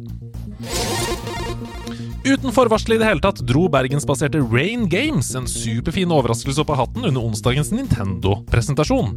Der shadowdroppet de nemlig Teslagrad 2, oppfølgeren til kritikerroste Teslagrad, samt en oppusset oppgave av sistnevnte. Både Teslagrad 2 og Teslagrad Remastered er tilgjengelig nå på PC, PlayStation 4, PlayStation 5, Xbox One, Xbox Series XS og Nintendo Switch. Spillene kan kjøpes hver for seg eller i en samlet pakke, og de er absolutt verdt å sjekke ut. Anmeldelse av Teslagrad 2 det får du senere i denne episoden. Vi kan ikke forlate Norge helt enda, for lørdag kveld så var den norske spillbransjen samlet på Byens tak for å kåre de beste norske spillene fra 2022, med gjennomføringen av den herlige prisutdelingen Spillprisen. Vi var der og dekket prisen i fjor, men hadde dessverre ikke mulighet i år. Kveldens store vinner ble den visuelle novellen Fru Sems valg, fra utvikleren Tidvis, som vi snakket en del om i Nerdelandslaget tidligere i år i forbindelse med oversettelsen til engelsk. Skal vi følge spillprisen, så har spillet åpenbart internasjonalt potensial, for spillet sikret seg hele tre priser nemlig Beste innovasjon, Beste nykommer og Årets spill liten skjerm. Den gjeve prisen for årets spill gikk i år til soloutvikler Erlend Kirkebø, som vant for spillet Icewall. Icewall blander rogelike elementer med gameplay som minner om Space Invaders, og har en fantastisk flyt. Gå inn på gamer.no og søk etter spillprisen, så finner du alle de andre nominerte og de andre vinnerne i andre kategorier. Og nå må jeg fade ut musikken litt her, for dette her må vi diskutere litt eh, i fellesskap. Eh, vi skal ut av landet, vi skal til utenriks. Vi snakket om dette her da det kom, eh, for første gang i oktober 2022. Altså første gang det dukka opp, da. Men nå vet vi mer om dette bodycam-skytespillet Unrecord. Unrecord. Etter at den franske utvikleren Drama viste fram mer av spillet da, denne uka her. Og Det er en spillsnutt som har gått viralt. Uh, der er det først og fremst de sjokkerende realistiske scenarioene som er lagd i Unreal 5, som har gjort at spillet går viralt. Det ser så realistisk ut at utvikleren måtte screenrecorde direkte fra Unreal 5 for å bevise at det er et spill for folk. Altså det, det Du har da et cam på midten av magen, og så går du rundt med en pistol i steder, og så skyter du, og det ser ut som Det ser helt ut som et bodycam fra en politimann. Det er det sjukeste jeg har sett i noe spill. Altså, jeg var helt sikker altså, Det ser ut som man i utgangspunktet har tatt video, og så styrer man video. Litt som eh, Netflix-spill, for eksempel. Det, eh, det derre Hva heter det?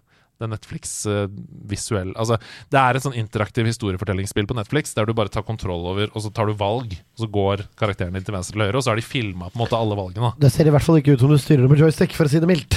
Uh, men det gjør du. Uh, før vi liksom diskuterer litt nærmere Denne typen realisme, kan det være et problem for spillerne? Blir det for blir det, Føles det for som du dreper en ekte person, liksom? Jeg tror, jeg tror bildene Altså Ja, altså det det, er helt klart. Altså hvis det, hvis det blir realistisk nok å skyte noen i trynet, liksom, så er det jo Og de Klart faller ned og skriker og Ja, det er klart det er ubehagelig å se på det hvis det blir for ekte, men eh, Det er også faren for at liksom, du blurrer linjen for mye mellom hva som er ekte og hva som ikke er det. mm. Men i all hovedsak det man strekker seg mot i mange sjangere, da.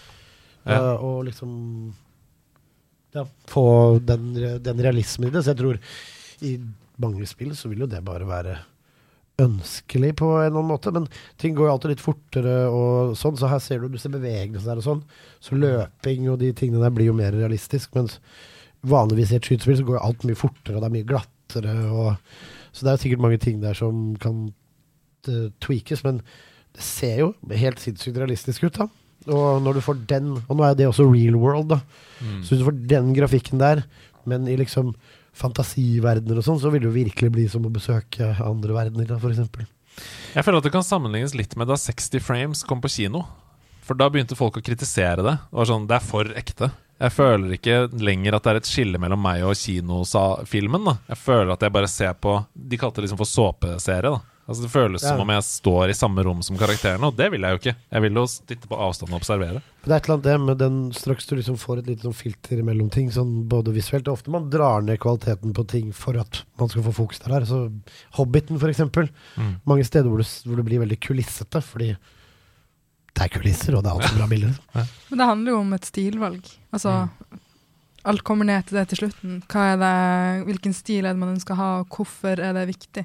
Altså, du har jo, som du nevner, det er jo flere spill fra før av som rett og slett er folk som er spilt inn. Mm. Um, sånn som Her Story og Mm. Markiplier gjorde en serie uh, Mm. på YouTube. Men det er jo litt forskjell på sånn investigator-spill og skytespill, kanskje. Mm. Og så, ja, så tror jeg det at jeg tror ikke det vil ha noe å si for det å ha muligheten til å dra ting opp sånn scale, betyr jo ikke at du ikke kan bruke den motoren til å lage fantasiverdener, liksom. Nei. Jeg bare lurer på at straks du liksom, hvor menneskene blir litt Du får sånne karakterer da med en distinkt stil, at det kan bli enda mer Uncanny Valley, liksom. Mm. Ja. ja, det er en, en utfordring. Men det er jo også uh, Epic har jo kommet ut, eller gitt ut uh, Fortnite. Men ikke bare det. Det som heter Metahuman. Oi! For det er Epic som har Unreal. Ja. Og Metahuman er jo deres store prosjekt, som er for å lage altså, så å si realistiske karakterer. Å, Og da er de gitt ut med Unreal 5 gratis. ja. Så personlig så tror jeg at vi kommer til å se veldig mye flere sånne superrealistiske karakterer i spill fremover. Wow. Rett og slett fordi at de har lagt ut et verktøy hvor du kan lage realistiske karakterer bare rett der. Du bare, du nesten gjør en character creation og lager karakterer. Ja, for det visste jeg ikke. Jeg trodde du refererte til det at de har gitt Fortnite Engine da, til alle spillerne. Men de har faktisk også gitt et verktøy for å lage realistiske karakterer. Fantastisk. Ok, vi må videre. I videoen så For dette er jo kanskje det som taler til spillets fordel. Da. I videoen så kan det virke som om det er sky skytespill og at skyting er i fokus, men de har jo gjort De, de er jo ikke dumme, disse utviklerne. Det er, det er bare tre dudes i, i franske drama, men likevel, de har jo eh, lika denne videoen fordi det er veldig imponerende. Utviklerne sier at dette er mer som en detektivnovelle. Spillerne må løse et mysterium gjennom dialogvalg, gjennom moralske dilemmaer. Eh, og ifølge utviklerne selv så er spillet en slags mix av Firewatch og liksom politispillet Ready or Not. Så det er, ikke, det er ikke Call of Duty her, det er ikke No Russian-missionet, hvor du går inn og skal slakte folk, liksom. Eh, men dette er en skytesekvens da, i, i det spillet. Så det blir spennende å følge utviklingen videre. En undersøkelse gjort av gamesindustry.biz avslører at 45% av gamere ønsker nå å se flere spill lisensiert fra andre underholdnings-IP-er. Det skriver gamereactor.no. Det skjer jo ikke så veldig ofte nå til dags at det går den veien. Det er oftere at spill gjøres om til film og TV. Men ville flere spilladapsjoner av film og TV vært interessante for dere? I så fall, hvilke film- og TV-produksjoner hadde dere ønska å kunne spille? da? Det, kom, altså, det ville vært mer verden og karakterene, da, eventuelt. Mm. Hvis det skulle vært kult, liksom. Så vi har jo South Park uh, Stick or Truth. Det var jo Ja.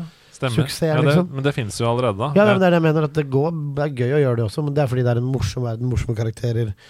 Ting som kan dras dit. Jeg Jo, vet du hva? Pantertanter ville jeg hatt et Battle Royale. Uh, kanskje. Ja, kanskje det. 100 spillere! Ja, de, Slippes inn. en slags Tekken for med de syv søstre. Hotell Ja. Cæsar.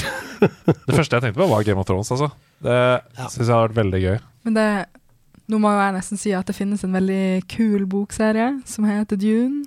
Som også holder på å bli en veldig kul eh, filmserie som heter Dune. Ja. Og så kommer det jo snart et ganske kult spill da, som heter Dune Awakening. Og jeg har hørt at det er noe jævlig bra tits i det spillet. jeg har hørt det fra, jeg har hørt fra kilden, faktisk. Vi, vi fikk vite før vi gikk live her at uh, dagens gjest blir hengt opp ned i kjelleren på kontoret. Hvis hun avslører noen ting om Dune Awakening. Så eh, jeg tror ikke vi skal grave mer i Odas eh, forhold til Dune Awakening. Men det blir bra. Det blir bra. Det blir bra. Og da var det rett opp ned i kjelleren, da, vet du. Ja, for der har du spoila at det blir bra! Ja, det skulle du aldri ha hørt. Å nei! Ja, du, Hvor bare, er juridisk ikke, avdeling? ikke bare det, hun har lovt det. Så nå er det faen meg Nå, er det, nå står du i, skvis, altså. Jeg blir 14 dager opp ned der nede. Ok, vi skal videre. I helga så datt det plutselig ut en demo for Street Fighter 6. Til både PlayStation 4 og 5. Eh, det var det ingen som så komme i det hele tatt. Det kom Shadow-droppa, det. I, I dag, onsdag 26. april, så er også demoen tilgjengelig på Steam. Altså når du hører denne episoden. Eh, Capcom lanserte samtidig at karakterene Rashid, eh, AKI, eh, Ed og Akuma vil være spillets første utvidelsespakker da, etter release. Så karakterene kommer henholdsvis sommeren 2023, høsten 2023, vinteren 2023 og våren 2024. Altså med andre ord de fire kommende kvartalene. Og de skal jo da åpenbart uh, støtte dette spillet over en lengre periode. Det er godt å høre. Um, det har de jo også for så vidt gjort med Street Fighter 5, så det hadde vært veldig overraskende hvis de ikke skulle gjøre det. Men har noen av dere fått spilt Street Fighter 6-demoen etter at den kom? Nei. Er det noen av dere som i det hele tatt er gira på det spillet? Altså, du, Jeg vet jo at du har et forhold til slåssespill fra tidligere. Du, jeg kan godt spille litt Street Fighter, altså, men jeg er Mortal Kombat-mann i all hovedsak. Ja, Men, eh, men jeg kan gjerne spille. Mm. Jeg har ikke noe eh, stort forhold til Street Fighter, men Mortal Kombat derimot er Åh! hansken er kastet. Her er dere to som er på nett. Mm. Absolutt. Men det, der også har jeg jo Det er nesten flaut å si, men jeg har blitt skikkelig skikkelig knust i Mortal Kombat av en blind mann. Oi Jeg holdt jo på å tape i Tekken med Stian som satt med ryggen til skjermen. Så jeg, jeg føler deg, jeg, altså. Mm. Men det er rett og slett fordi at kontrollerne har så mye sånn bra sensorfeedback. Nei, men Da foreslår jeg at vi får opp noen epler og bananer her, og så har vi en Mortal Kombat-duell mellom dere på bananer. Ja, Luke Hang, da må du passe på bananen. Altså. Litt eple, eple, banan der, og så flyr du gjennom. Skal knuse dere alle sammen. Vi skal over til værmeldingen. Vi går inn i en fantastisk uke for spillslipp. Så selv om værmeldingen viser snø og minusgrader IRL, så viser jo spillhorisonten varme, koselige kvelder eh, hjemme hos deg sjøl. Først ut er en gavepakke til fans av Limbo, Inside, Hollow Night, Ori-spillene og puzzlespill. Jeg presenterer The Last Case of Benedict Fox. Det er en deilig tittel på et spill. Det er en indie-tittel om du noen gang har hørt Jeg, blir så intriga av det. Det ser rett og slett ut som et sideskrollende actioneventyr med puzzle-elementer, og art direction er så nydelig at det renner sikkel ut av øynene mine når jeg ser på den uh, gameplayen på YouTube. Litt for tydelig beskrevet kroppsvæske der. Det er deilig med vesker. Tenk i Corpse Bride, eller liksom A Nightmare Before Christmas, møter Hades. Ja. Det er liksom art-stilen på det. Eh, pitchen fra selskapet selv er Fight demons and solve puzzles in the last case of Benedict Fox, a beautifully nightmarish game. Jeg er klar, jeg. Jeg så du noterte. Ja. så bra! Uh, ute på PC, Xbox GamePass. Inkludert i Xbox GamePass. Altså, Det, det, er, det er musikk i mine ører. Da får jeg teste det da uten å bruke 90 kroner. Det er det det. Torsdag 27. april. Jeg skal spille det. Jeg ble veldig intriga av å se på de tingene jeg har sett. Det blir ikke noe verre dagen etter, for da kommer endelig spillet som ikke trenger noen lang introduksjon. Star Wars Jedi Survivor. Et av årets største lanseringer, altså. Ute på PC, PlayStation 5 og Xbox Series X på fredag 28. oktober. Det stemmer. Any, any gamers in the room? Ja, det er noen uh, spillere her, ja. ja. Som sagt, jeg har satt av helgen når jeg skal, og så fri på mandag. Og Du har tatt fri, du. Det har jeg har tatt fri på. Du skal også anmelde Det for oss i nederlandslaget. Det. Hvilke forventninger har du? Du likte jo det første spillet godt. Skyhøye forventninger, som vi kan si. Jeg skal smelles opp på den vanskeligste vanskelighetsgraden, og jeg forventer mer diversitet i fiendene. Eh, litt eh, mer variasjon kanskje i de skurkene også, og så forventer jeg bare en Forventer mer av det samme som i starten var veldig kult og du turte å gjøre, og så bare enda bedre. Mm. Gleder meg til å fortsette. Ja. ja. men nei, Oda? Har du noe forhold til liksom eh, ja, Kall det gjerne Soulsborne-spill. da Dark Souls, Bloodborne og ikke minst Star Wars Jedi-serien. Nei, det har jeg faktisk ikke. Det, jeg liker sjelen min for mye til å spille soul-spill, rett og slett. Så der er paletten tom for hvitt, svart og grått. Det er, altså, det, er- altså, jeg ville kanskje teste Bare begynt å teste f.eks. Bloodborne eller Elden Ring eller sånn. Er sånn bilspill. Noe sånt du liker. Ja, når alle andre på kontoret mitt uh, plukka opp Elden Ring, så plukka jeg opp uh, Horizon istedenfor. Ja, men det er ikke noe dårlig oh, ja, det er en alvorlig feilavgjørelse, det er klart. Jeg følte, følte litt på det når alle andre snakka om Dark Souls Nei, um, Elden Ring. Elden Ring. Jeg vil anbefale, altså, som jeg sier til alle, jeg er på en måte en gruppas uh, Souls-ambassadør. Og det er, her var det mange skeptikere, altså, når jeg trådde, i, tredde inn i rekkene. Kan si så mye som at hvis du blir bitt av den basillen, som veldig mange blir, prøv. Kom deg i gang med liksom det å lære deg å like å dø. Og så skal du plutselig si at det er det beste spillet du har spilt, spilt hele livet. Det gir ikke mening for meg at du ikke liker det, fordi du nevner veldig mange andre spill som ligner. Eh, begynn med Bloodborne. Begynn med Bloodborne, syns jeg. Hva syns du? Ja, det ville jeg kanskje også gjort. Fordi- ja. Da er du rusta mer. Altså, Elden Ring kan du også begynne altså, altså. men, nei, men du snakker om Call of Cthulhu, liksom, som brettspill, og så har du ikke spilt Bloodborne. Altså, det er jo Lovecraftian herfra til månen. To the moon! Det er, ikke så prøver mye, det, er ikke, det er ikke så mye grining, men det er lange stiger. Skjønner. Bloodborne. Bloodborne er stedet å begynne. Fy vøli! Kanskje jeg må si det litt mer sånn skuffende. Sånn Fy vøli. Mitt navn er Andreas Hedemann, og dette her, det var Nerdenytt. Anmeldelse i nerdelandslaget. Det stemmer. Vi skal til en anmeldelse i nerdelandslaget. Eh, Jeg fikk det dumpa inn en kode i mailinnboksen min. Tusen takk til Rain Games borti Bergen. Eh, Jeg har spilt og anmeldt Tesla Grad 2. Er det sånn i den norske spillbransjen at dere på en måte utvikler Nei, utveksler litt sånn inspirasjon, og har dere noen sånn Jeg prøver på en klønete måte å si. Har du noe forhold til Rain Games? Altså, norsk spillindustri er jo veldig liten, Ja. så det er veldig veldig fort at man kjenner noen både litt her og litt der. Ja. Eh, arrangementene er ikke så store, Mm. så ja. Eller jeg har et forhold til de fleste av studioene som har vært en stund, da. Mm. Nei, det er spennende. Det, nå skal dere få høre hva jeg syns om eh, Tesla Grad 2. Dette puslespillet fra byen der det alltid regner. Norske og bergenske Rain Games er et av de mest spennende spillselskapene vi har her til lands. Ikke bare er de utvilsomt dyktige spillskapere med kritikerroste spill på samvittigheten, men de har også en forlokkende merkevare som gjør meg nysgjerrig. Rain Games tør å gjøre ting litt annerledes. De er trofaste mot egne ideer og har vist seg merkverdig smarte og på merket hva gjelder å treffe spikeren midt på hodet med tidsriktige PR-strategier. Som da de i forrige uke ut av ingenting slapp Teslagrad 2, den etterlengtede oppfølgeren til puzzle- og plattformspillet Teslagrad, et av de mest kritikerroste norske spillene de siste seks årene.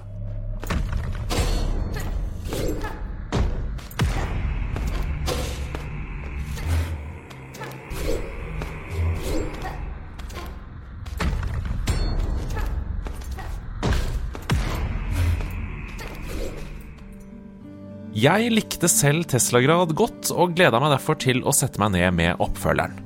Nok en gang så tar vi kontrollen over Luminia, den kvinnelige karakteren vi først ble kjent med i spillet World to the West, som igjen er ute i hardt vær. Etter å ha fått sin zeppeliner skutt ned av piratlignende fiender, så er målet å finne veien hjem igjen. I beste Metroid-stil så innser du som spiller at alle Luminias evner er borte, og at den eneste måten å vinne dem tilbake på, er å kjempe deg gjennom ulike plattformsekvenser, puzzles, bosser og timingbaserte øvelser. Det er skikkelig gøy!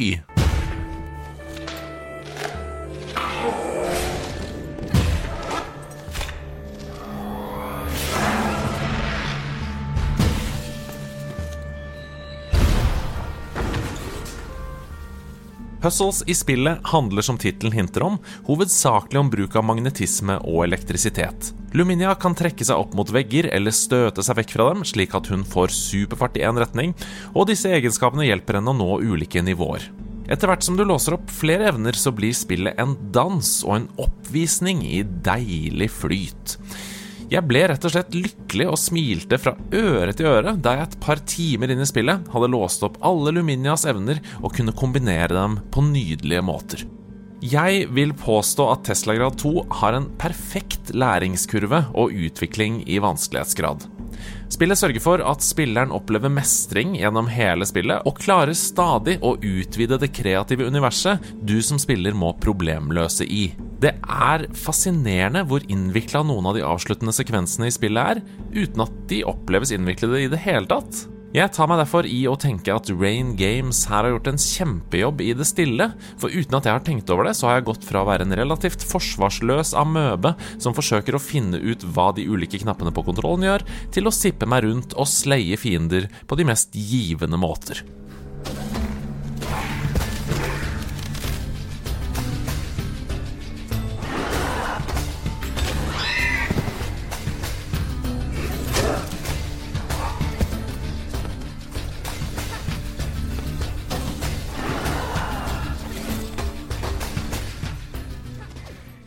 Når det er sagt, så er det å sleie fiender en sannhet med modifikasjoner. For poenget i Tesla grad 2 er sjeldent, med unntak av de store bosskampene, å ta livet av folk. Det er i mye større grad et spill som handler om å svømme, klatre, fly, hoppe og dashe seg vekk fra slemminger, og et spill der du føler deg utrolig kul når bevegelsene sitter. I store deler av spillet så har du f.eks. ikke en måte å angripe på, og du må derfor finne ut av hvordan du skal ta livet av bossene uten å skade dem direkte. Dette er givende og føles deilig å mestre. Det er ingen tekst og ingen stemmeskuespill i Tesla grad 2, men det føles helt riktig, akkurat som det gjør det i våre danske venners mesterverk Limbo. Det visuelle er helt strålende, og det norrønt inspirerte soundtracket kiler meg akkurat der det skal, når det står på. Teslagrad 2 er rett og slett et av de beste norske spillene jeg har spilt på lang tid, og derfor så er det særdeles bittert at det varer så altfor kort. Jeg runda det på under tre timer, der tett opp mot halvparten av spilletiden var for å klare to bosser. Tre timer det er ikke seg selv for kort for et spill, det handler mer om pacing og utviklingen som jeg snakket om tidligere. Når Teslagrad 2 begynner å bli skikkelig gøy, og du mestrer alt som spillet har å by på, så er det brått over. Derfor sitter jeg igjen med en litt trist ettersmak, som om jeg har øvd til en konsert i et år, men kun får lov til å spille én av de 20 sangene jeg har øvd inn på piano, når jeg først skal på scenen.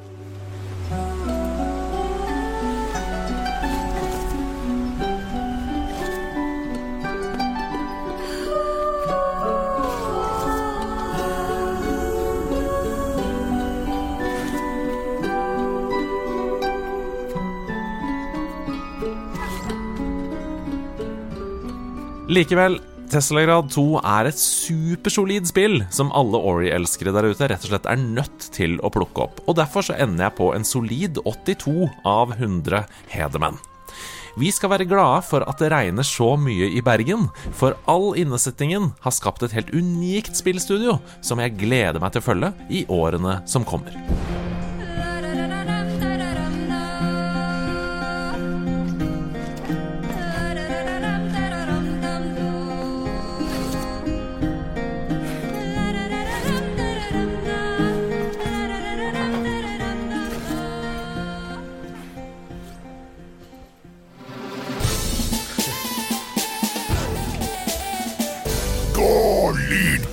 Lydplanken!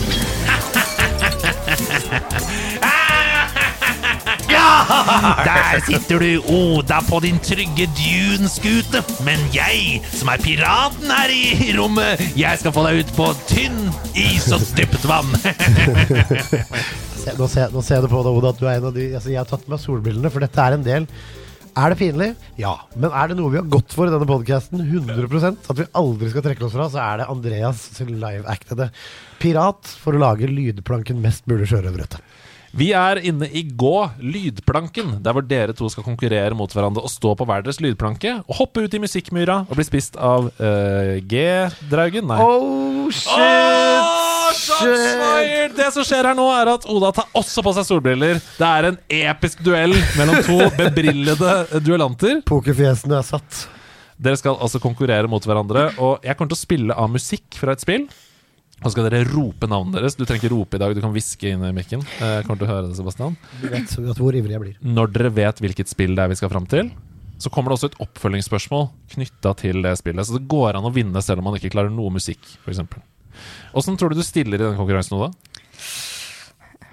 Jeg tror jeg stiller nøytral. Nøytral midt på treet. Vi vet at du er over gjennomsnittlig god. Ja, altså det er mye bedre bit for bit, så få det tilbake, sier jeg. Men eh, nei da. men, eh, Ja, jeg, jeg er over gjennomsnittet, vil jeg si. Men det kommer veldig an på. Septastic Ja. Er en vrien type. Og i dag er det ikke Septastic som har lagd den. Okay, det er innsender Hyl! Okay. Hyl! Har lagd eh, ukas lydplakke. Takk til deg, Hyl. Eh, Det er for så vidt også den samme som har sendt inn Feverly. Så det er en Hyl-basert eh, episode i dag. Vet du hva, da er det helt, er helt blankt på hvor jeg stiller. Ja. Vi gleder oss. Her kommer første låt. Rop navnet når dere vet hvilket spill vi skal til.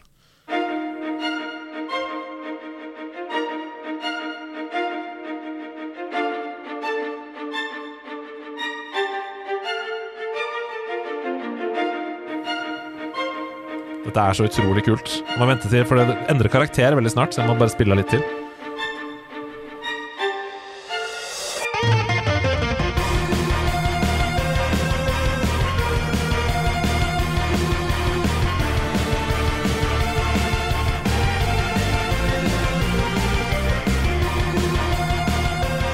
Ingen som tar den her, altså? Jeg har det, altså. Det, man, det kan være så mye. Feelingen her er jo Og jeg vil si at det er et moderne spill, men uh, Ja, de nerde strides. De nerde Um, strides her, ja. For uh, ja. Det høres ut som det er en, liksom et, en, et retro-stilspill laget nylig. Det, der, der har du helt rett. Nå, Ja. er, du, nå er du midt på spikerens eh, såkalte hode. altså, ikke sant? Fordi det hører man på lydproduksjonen. Lydproduksjonen er for god. Jeg vil gjette på Nei. Åh, gi meg litt med til. Ja, jeg tror jeg trenger et svar her, men dere er helt riktig inne på at det er et retro Det ser ut som en retro, men det er laget nylig. Nå har jeg ikke spilt spillet som jeg skal gjette, men det er et vill gjetting. Ja. Cuphead. Å, du gjetter Cuphead, ja! Er et Godt tipp, men det er ikke riktig. Men det faller i samme kategori, selv om det er ikke samme sjanger. Det er utvilsomt ikke samme sjanger. så er det, altså, det kan jo være fra så mangt, men eh, Sebastian Ja. Da prøver jeg meg på Undertale. Det er riktig! Ja! Det er Undertale! På første tipp så sitter den som et såkalt skudd. Ja, for det var litt den stilen. Wow. Utrolig bra, Sebastian. Ett poeng. Takk. Hva sier du, da? Ja, jeg har ikke spilt Undertale, så jeg tar ikke det så hardt. Nei, men uh, har du lyst til å slenge litt banter over til Sebastian? Si at han er dårlig, f.eks.? Eh, nerd. Å, shit! Men det er en hedersbetegnelse her. Ja, det er en hedersbetegnelse. Så da okay. kaller jeg det bare for en norm. Her, her kommer oppfølgingsspørsmålet. Uh, og Her vil jeg at dere skal bestemme dere for et svar selv. Så det er ikke om å rope først, men bestem dere for et svar, og så svarer dere. Hva heter spillet eller spillserien som spillskaper Toby Fox var mest inspirert av da han lagde Undertale? Hva heter spillet eller serien da som Toby Fox var mest inspirert av da han lagde Undertale? Og Ingen av dere har spilt det noe særlig. Du, er vel, du har kjennskap, Sebastian, så derfor skal jeg hinte litt også. Dette er en spillserie der ett av spillene aldri kom til Europa, men veldig mange fans ønsker at det skal komme til Europa. Hovedpersonen i dette spillet har også en karakter i Smash Bros. Det tenkes hardt, så det knaker i, uh, i Altså, jeg, lurer på om du, jeg lurer på om du tror at jeg ikke har et forhold til det, men at jeg har et mye større forhold til det. At det ble, det Ja. en finte, for jeg er ganske sikker på at jeg vet det. Okay. Jeg tror jeg har spilt det ene ganske mye. ok, da, men eh, har dere bestemt dere for et svar nå? Ja. Bra. Da eh, må vi, siden du har så tydelig bestemt deg, så må vi begynne med Oda først. Final Fantasy-serien. Final Fantasy-serien er svart.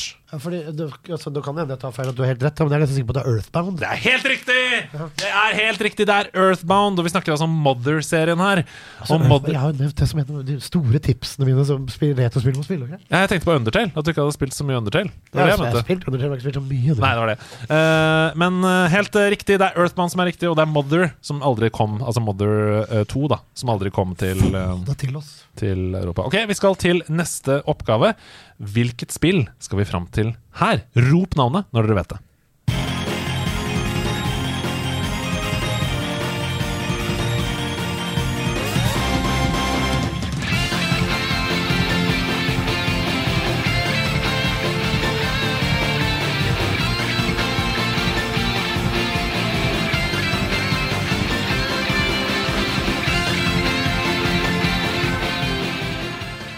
Høres jo fryktelig JRPG ut, da. Og det er helt riktig.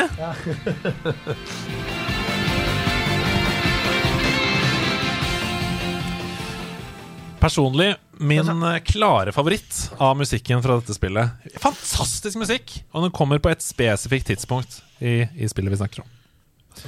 Ingen som Det er to spørsmål Ja. Kan du gjette, er det Persona? Nei da, det er ikke Persona. Vi skal eh, mer inn i Vi skal nærmere nåtiden. Har du, du har et gjett. Jeg tror faktisk jeg gir fra meg det hjertet, fordi JRPGs um, JRPGs er no for deg, men det er jo bare tull! For det er jo, dette er jo Pokémon Scarlet og Violet! ah, Og JRPGs er noe av det du har spilt mest i ditt liv! For det er jo Pokémon! Det er jo det, det er ondskapsfullt og Løs bruk. Nei, dette er rett og slett um, Terra Raid-musikken i uh, Pokémon Scarlet og, Violet. Og her kommer da oppfølgingsspørsmålet. Og det er jo det er derfor. Det er ikke så mange som har gått gjennom nøyaktig dette punktet i spillet. For det er ikke så mange som har Terra uh, Raida, f.eks. Det har kommet en hel haug med Pokémon-spill. Hvor mange Pokémon-spill har det kommet? Og da inkluderer vi altså alle spillene i hele franchisen. Da tenker jeg på sånn som spill som Pokémon Dream Radar til 3DS. Jeg tenker på spill som Poképark V, Pikachu 6 uh, Adventure til Wii. Alle spillene som har kommet, og her er det bare å være nærmest. Skiller vi mellom blå og rød? Ja, okay. det gjør vi. Uh, for det er to forskjellige spill. Det er noen forskjeller. Så dette er nøyaktig antall spill. Og jeg- jeg vil bare ha det på det rene at jeg nevnte Poképark Wii. Pikachu's Adventure. Det tror jeg nesten ingen har spilt til Nintendo Wii. Men uh, det fins. Hvor mange spill? Om dere kommer nærmest. Jeg trenger at dere bestemmer dere for et tall. Ja, jeg har bestemt meg for et tall. Sebastian har bestemt seg for et tall. Da tar vi deg først. 95. 95. 53. 53. Sebastian, det er du som er nærmest, for riktig svar er 122. Det er 122 Pokémon-spill! Oh, Jesus. Ja, men altså, det er jo helt sinnssykt. Er det rart at det er verdens største underholdningsfranchise? Absolutt ikke. Nei, det, det, er, det er ikke så rart. 122 Pokémon-spill! Det har jeg aldri gjetta. Det er helt absurd. Men gratulerer, det er 3-0. Vi skal til dagens siste spillmusikk. Hva, hvor er dette hentet fra? Og dette er en liten sånn Så ikke rop før dere er sikre.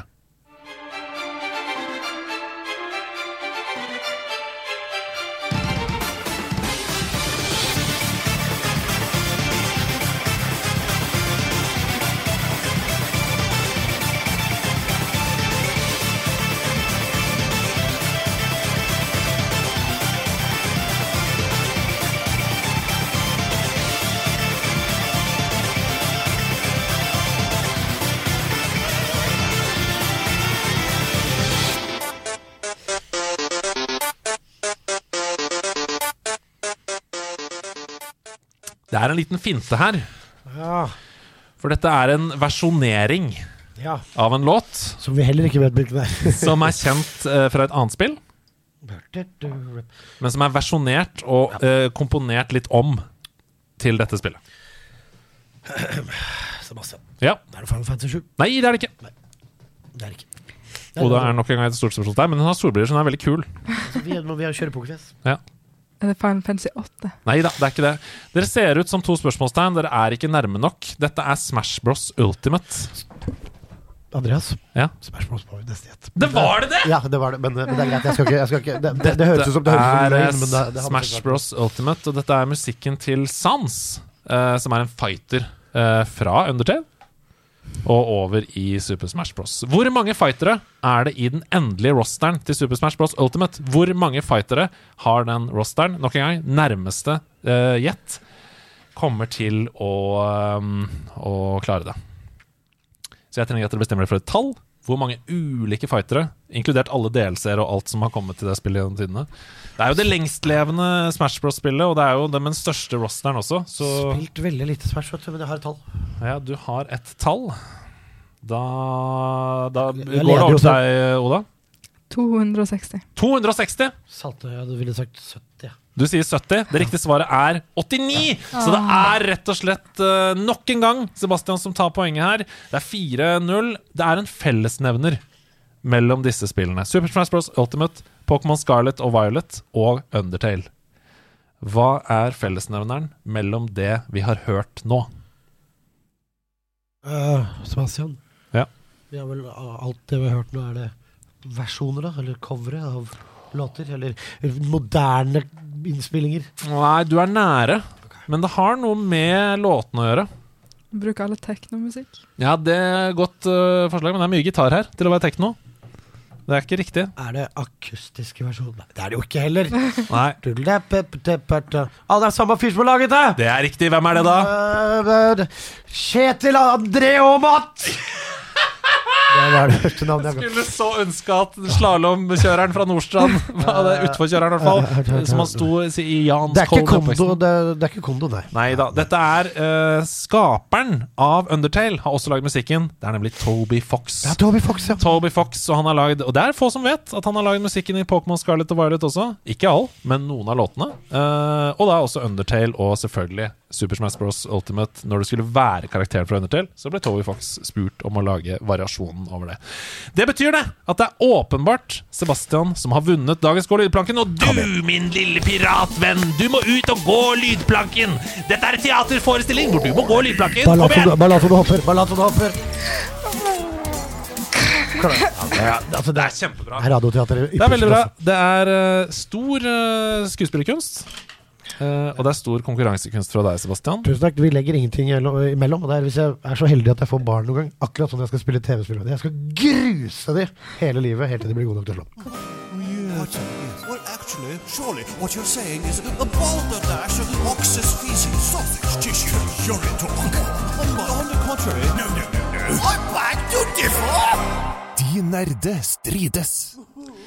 Jeg spurte deg, Oda, før du kom hit. Uh, har du en kontroversiell mening som du kan ta med inn i studio for å brenne ned studio og alle våre håper og drømmer? Håp og drømmer.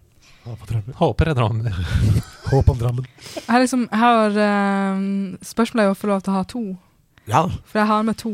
Ok, Uh, Ta den mest kontroversielle først. jeg tar den mest kontroversielle først. Um, som allerede etablert, så er jeg puppeentusiast Ja. for videospill. Eh, og en sånn sterk mening som jeg prøver å alltid liksom få med, er at uh, vi må ikke seksualisere kvinnelige spillkarakterer mindre. Vi må seksualisere mannlige spillkarakterer mer. Den er god! Ok, den, den er greit. Den er god! den er greit. Den er god, den! Den er så kontroversiell, den. Nei, men vi må ikke seksualisere kvinner mindre, vi må seksualisere menn mer. Og sånn oppnår vi likestilling. Ja, så du mener at menn må opp Hva er den mest sexy måten å være spillkarakter mannlig på? Er det bare vest uten noe under, f.eks.? Altså, nå, nå har jeg jo den heldige bakgrunnen at jeg var med å lage Conan Exiles. Ja. Og der har vi jo en penis-slider. Uh, og hvis ikke Den- det er bra seksualisering av menn, så vet ikke jeg. Jeg kan si så mye som at grunnen til at vi kom inn i Cone Exiles i det hele tatt, jeg og noen venner av meg, var den penislederen. Det måtte ses, men som en novelty.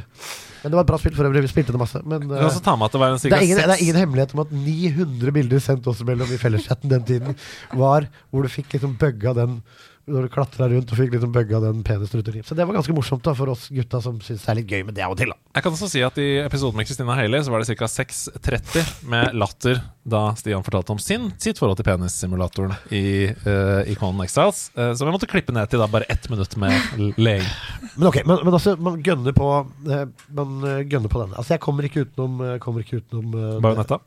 Bajonetta, som altså det, Problemet mitt med Problemet mitt eh, med disse tingene er at Jeg er enig med deg, sånn at da får du seksualisere mannskroppen mer, men hvordan gjør du det? Altså, en uh, klok uh, kvinne lærte meg en gang uh, en eh, smart sånn syretest for om noe er ok. Der ville du kunnet gjøre denne Ville du hatt dette utsnittet i et bilde, eller ville du hatt denne vinkelen inn mot filmingen på en mann? Skjønner du hva jeg mener?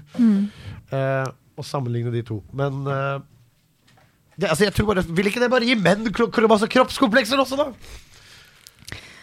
Tja, altså hvis du bare normaliserer kropp som helhet Ja, At det ikke skal være sex involvert. Det er bare kropp. Ja, ja, det er jo det. Og så altså, kropp, kropp kan være vakkert ja. uten at det er seksualisert. Nok en gang kunsthistorie. Vi kjenner til torsoer fra antikken av eh, menn med sixpacks. Eh, vi, vi kjenner til OL i Aten, der hvor mennene løp med bare fikenblad foran penis. Men, på den tror ikke det hadde så mye med sex å gjøre. men du fikk ikke høre om alle de som satt hjemme og så på Davidsstatuen og følte seg mindre av den grunn? Satt hjemme og kasta bark, eller hva faen de gjorde på den tida, og, Ja, det er og vil ikke ut fordi David så så sexy ut, og det er det damene vil ha. Men her er det jo uh, kanskje snakk om to litt forskjellige ting. Det er jo Ja. det å ha liksom kroppsmangfold. Så du må jo seksualisere mangfoldet av kropper også, ikke bare liksom den ene David-statuen av menn. Så du vil at alle typer kropp skal bli sexy? Ja. Eller skal ses på som sexy, på en måte? Så Absolutt. hvis du skal seksualisere menn i videospill, så må du prøve å Men gjelder dette da også alle kunstformer for deg? Selvfølgelig. Ja. Altså, vi må jo Er du sikker på at du ikke bare er kåt? Hun er fra Called Tromsø. out, Hun tåler å høre det. Det er rorpua-stemning i studio. Men, men altså, jeg, altså, seksualisering altså, Ordet seksualisering for meg er negativt. Men å lage sexy ting er noe annet enn å seksualisere. Så da må man eventuelt lage sexy ting. da Fordi For meg så er det sånn Skal gutta i krig, så har de fet vest med granater. Og det i seg selv er litt sexy og litt hot og det er skremmende og sånn. Mens damene får liksom rustning på brystvortene og vulva, liksom. Men det er, litt, det er litt det som er tanken. At eh, Det er det jeg snakker om når jeg snakker om seksualisering av kvinnene. Det er det man snakker om som er boob armor og sånne ting. Mm. Og det er jo ikke nødvendigvis seksualisering. Det er jo liksom det de som lagde de her karakterene, tenker på som en vakker fremstilling av en kvinne. Ja. Um, og litt av problemet er at uh, den vakre fremstillinga av en mann er veldig mye mer påkledd. Ja. Uh, hvis man klarer å balansere det ut og si at OK, her har vi en kvinne som har en veldig veldig smal bikini, så gir du mannen bare akkurat den stroppa som holder ekstra ammo, Ja. eh, og ikke så mye mer. Ja, det- det, er, men det er veldig sånn egentlig Hidio Kojima å tenke på. Det er nei, og en måte å tenke på. Fordi det er en Metal Gear Solid-spill hvor mennene også har hatt tullete lite armor eh, på lik måte som kvinnene. Men, ja, altså, men det kan jo altså, det, det er jo all for. Men for meg tror jeg det er bare dumt når du er i en verden hvor damene har på seg bikini og gutta har på seg Ja. tech-ting. Så det er derfor det heter De nerde strides. Du er uenig? Det ordentlig, altså, jeg er uenig. Altså, jeg tror vi heller litt mot enighet. Altså, jeg vil heller at man, Hvis man skal gjøre det, så må man gjøre, gjøre det sexy. At ikke bare damene skal være sexy, men gutta også skal være sexy. Men ikke seksualisere. Ja, sånn, da. Jeg mener at det er forskjell på de to tingene. Fair. Jeg kan, jeg kan være, være på samme side som deg i det. Det er bare det er mer, mer kontroversielt hvis du kaller det seksualisering. Jeg er enig. Hun har tatt oppgaven på alvor her. Uh, men, men, Ellers har du kommet under huden på meg nå, for vi vet jo at du får det akkurat sånn du vil. ja, manipulerer! Så det som, skjer nå, det som skjer nå i morgen, så når jeg våkner og kler på meg uten å vite, tar meg en sånn veldig liten bikini og bare Det du kommer til å gjøre i morgen når du starter, det er å spille Elden Ring med ratt og pedaler. Det er det det. jeg skal gjøre. Med, med bare en sånn rustning på penis. Ja. Nei, men uh, fint. Uh, da er vi alle enige. Mer sexy menn i spill. Det er det vi sier, egentlig. Korrekt. Korrekt. Nei, men Jeg syns det er fint. Jeg, jeg tror vi holder med på den ene kontroversielle meningen. Vet du hva jeg syns? Syns folk skal kle på seg og få seg en jobb.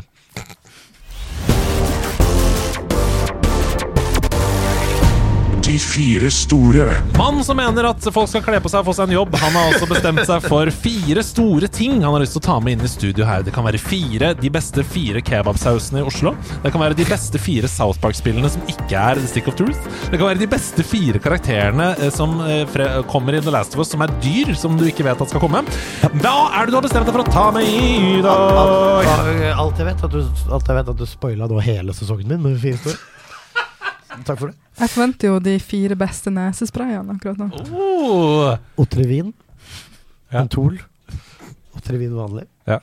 Eh, en sigg oppi nesa. Ja. og en sigg, og så sånn saltvann. Nei, vet du. Jeg har med Hvis du har litt støsj, hvis det, er, hvis det kniper litt, så er det dritt, ja. så har jeg med fire gode Google-søk på bilder for å få, få smilet på plass. Det er et utrolig fint tilskudd til Fire store-spalten. Takk. Funny tweets begynner jeg med. Funny tweets, Ja, du kan ta funny tweets, bare søk på bilder, for da slipper du å bla sånn masse folk som skriver historier om Twitter og sånn, det driter jeg i, men søk på bilder, og så kan du ta all time og bla, bla. Da finner du alltid noen folk. Folk er morsomme. En av de bedre Jeg har lest, skal ta et eksempel, som Ja. var uh, I got the words yakuza and jacuzzi mixed up, and now I'm in hot water with the Japanese mafia. Takk. Den syns jeg er god. Den sitter som et skudd! Og selvfølgelig all time favorite. A big congratulations to drugs for winning the war on drugs. Uh, det er utallige. Folk er veldig morsomme på Twitter. Søk også på There. I fixed it. There I fixed it er Altså, søk sånn, nummer tre. det, liksom. Ja, på tredjeplass på da fire søk som får deg i godt humør. Eh, Andre, jeg, er på, jeg er på tredjeplass. da. Ja. There I fixed it. Det er folk som har fikset ting selv, da. Uh, noen er veldig dårlige, men det er noen perler. Ja. Eh, livsfarlige perler sånn. Det er mye teip. Det er mye strips. Er mye, Ja, så det er sånn HMS, ikke klarerte HMS-løsninger på ting. mye som ikke hadde vært EU-godkjent. Veldig mye bra. Det er bare folk som har fiksa ting selv. Jeg syns det er gøy. Har du noen sånne ting i livet? Har du fiksa noe hjemme, en lysbryter eller noe sånt, som du vet at egentlig en elektriker burde ha fiksa? Ikke noe sånt i livet? Jeg hadde en lysbryter som var hengt opp med gaffateip en god periode. Det er there I fixed it. Det er veldig- fixed it. Perfekt. Men det er mildt. Du vil bli overrasket. Det er folk som har kuttskader som er teipa seg. Å, jeg elsker at jeg har fått sånn. Altså, det er blitt en tradisjon nå. En gang til. På andreplass. Horrible family photos. Og eller poor eller bad. Ja. Jævlige familiebilder.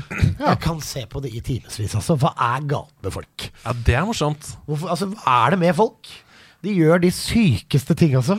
Ja. Helt uironisk. Det, det trekker, da trekker jeg på smilebåndet og tenker ting kunne vært verre. Går et, i fotostudio, liksom, og gjør sjuke ting. Men fortell, da. hva- Et, et sånn horrible family photo, har du et eksempel, liksom? Ja, for eksempel så kan du finne på sånn, og apropos kroppspositivisme, eh, at de liksom har sånn alle er nakne og inntil hverandre for å egentlig symbolisere sånn vi er glad i hverandre og hud og sånn.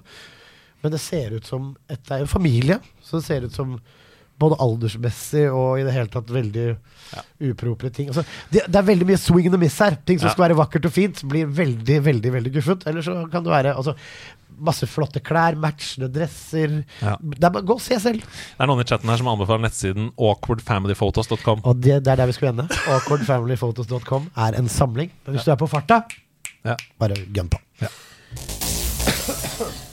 På førsteplass! På førsteplass, også så utvilsomt på førsteplass Tingen jeg tyr til Jeg har en egen mappe faktisk med samler som jeg alltid scroller hvis jeg er litt nede. Så jeg kjenner at det kniper.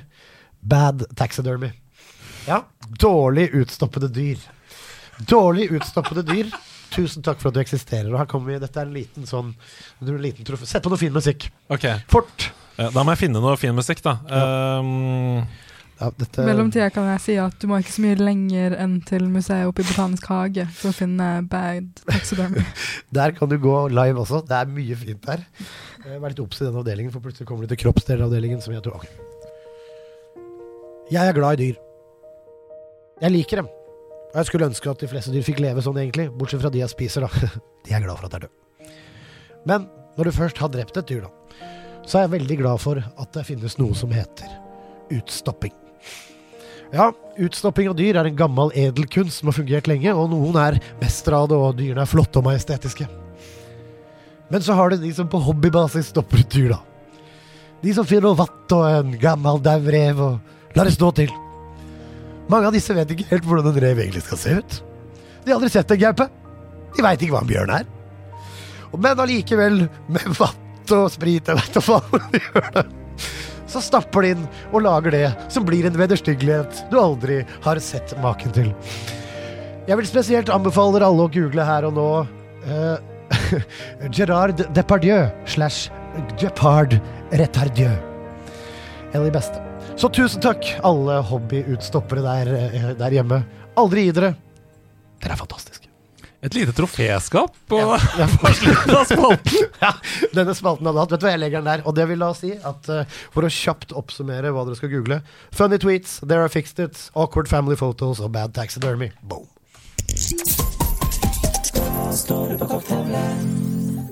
Fra fire Google-søk som du bør gjøre hvis du er nedfor, til spørsmål fra folk som er sendt inn til oss. Vi har jo en stor korktavle med masse lapper på, og tre av dem skal vi lese opp nå. Eh, Instagram-kontoen Norske hemmeligheter, som jeg digger, luftet nettopp denne saken anonymt innsendt. Kjærestens gaming ødelegger forholdet vårt. Hvordan kombinerer man spillinteresse med kjærlighet og familieliv når den ene er fullstendig uinteressert, og kanskje ikke engang ser på gaming som en ordentlig hobby? Det spør M. Gjesdal. Hva tenker du, Oda?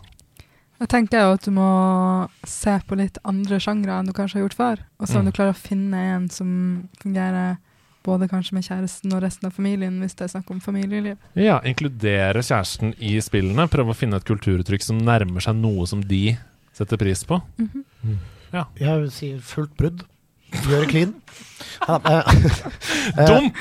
Dump og løp, var det det? Jeg tror Å ikke se det på det som ordentlig hobby er jo bare frekt. Ja. Eh, Men jeg tror det er Jeg tror vi gamere også så Selvfølgelig prøv, se om det er mulig å inkludere. Altså om det finnes noe snakk om det, og Mm. høre om det er mulig å finne noe common ground der.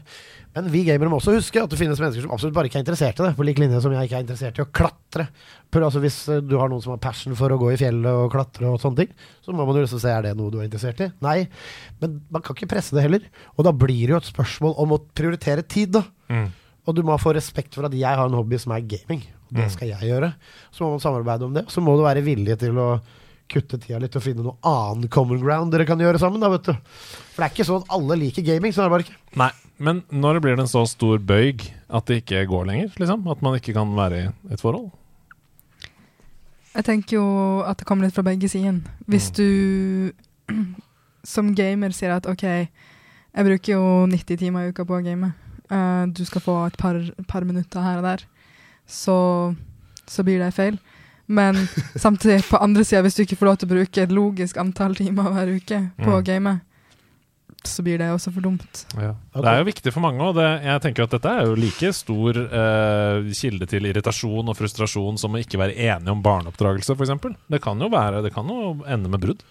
Ja, det er klart. altså Interesser er jo en viktig del av det å være to, liksom. Å få, Mm. Men å få inntrykk på hver sin kant og bringe til torgs er så lurt. Så da, hvis vedkommende på en av sidene ikke har en hobby, kanskje At det bare er liksom Man kan jo ikke se på TV sammen med meg liksom, Mm. hele tiden, eller Men man må jo bare diskutere. Voksne folk bestemmer sjøl. Og hvis Mm. det er en deal-breaker at vedkommende, som du sier, 90 timer i uka, eller hvis det er altfor mye, så får man jo se på det. Men Ja. hvis det er et fornuftig antall timer, og det fortsettes å klage, så må man se på om dette her er forenlig, rett og slett. For mennesker har lov til å ha sine interesser. Det må de få lov til. Om en AI en gang i tiden kan eller vil leve iblant oss, litt som iRobot-filmen med Will Smith. Eh, En av de beste filmene våre største. ja. tror dere de vil reagere på om de finner et eksemplar av Nintendogs? Mange har jo slutta å ta vare på valpene sine i det spillet. Er dette muligens tidspunktet vi mister kontrollen på AI-en? Når de innser at når vi er lei av dem, så kommer vi til å slutte å ta vare på dem? Spør Lemmy Winks. Det er gøyalt tankeeksperiment. Altså, Jeg altså, fikk sånn umiddelbar uh, dårlig samvittighet for Nintendogsene mine.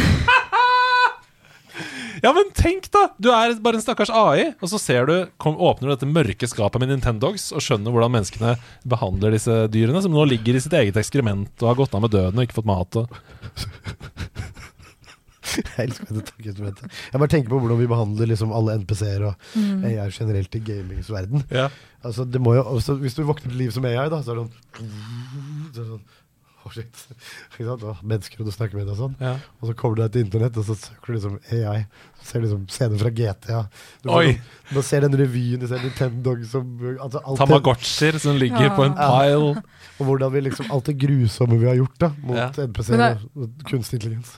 Håpet må jo være at AI er litt som oss mennesker, som bare setter seg sjøl over alt det andre. Ja. AI-en ser ned og er sånn ah, Men det er jo bare dyr, og det er jo bare NPC-er, ikke sant. Det er jo ikke Det er jo vi som er menneskene. Og det gir jo mening, fordi det er jo basert Altså det må jo være basert på menneskelige opplevelser og algoritmer og sånn, og, og ikke minst maskinlæring.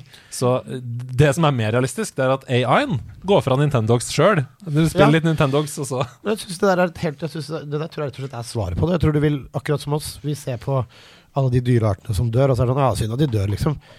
Shit. Mm. Som, som raser, på en måte. Hvis grisene kan vi ha i en binge, og så spiser vi de vi skal ha. Og, ja, Nå snakker vi om digitale ting, da. Altså ja, ikke ja, AI, Ja, men, men de, men, de det ser ser på, du N- jo. men de vil se på NPC-en eller Nintendo som inferior, og de, kanskje de begynner å farme Nintendo selv og spise de.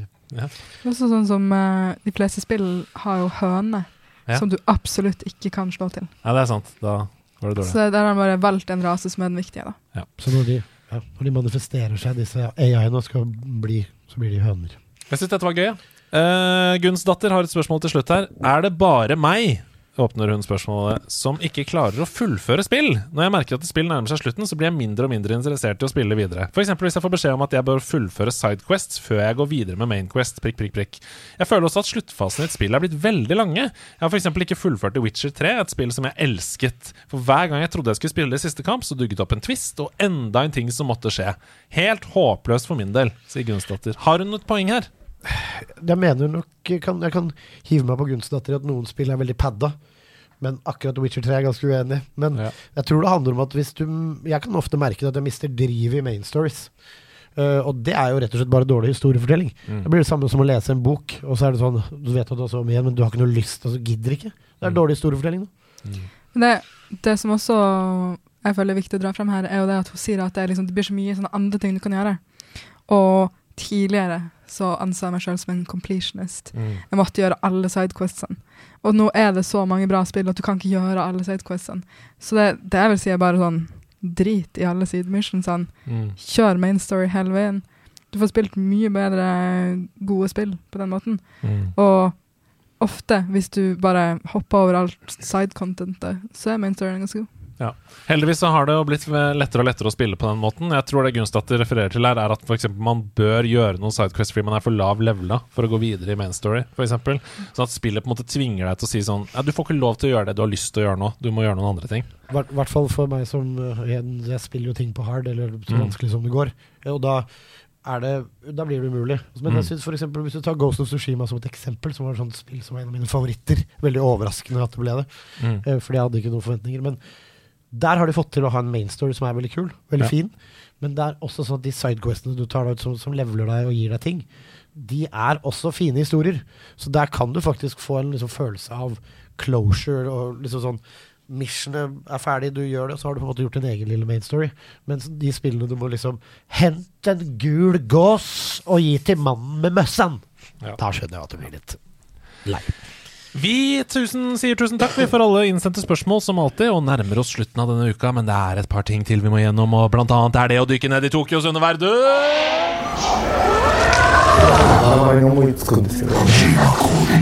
Jeg har mistet stemmen min i Tokyos underverden. Vi skal inn i Hidio Kojimas drømmerike og løse noen Kojima-koder og komme fram til hva som er svaret på dem. Oh, Hideo Kojima har tatt over min Mario. Hideo Kojima har tatt over Mario. Hideo Kojima har tatt over Mario. Hideo Kojima har tatt over Mario.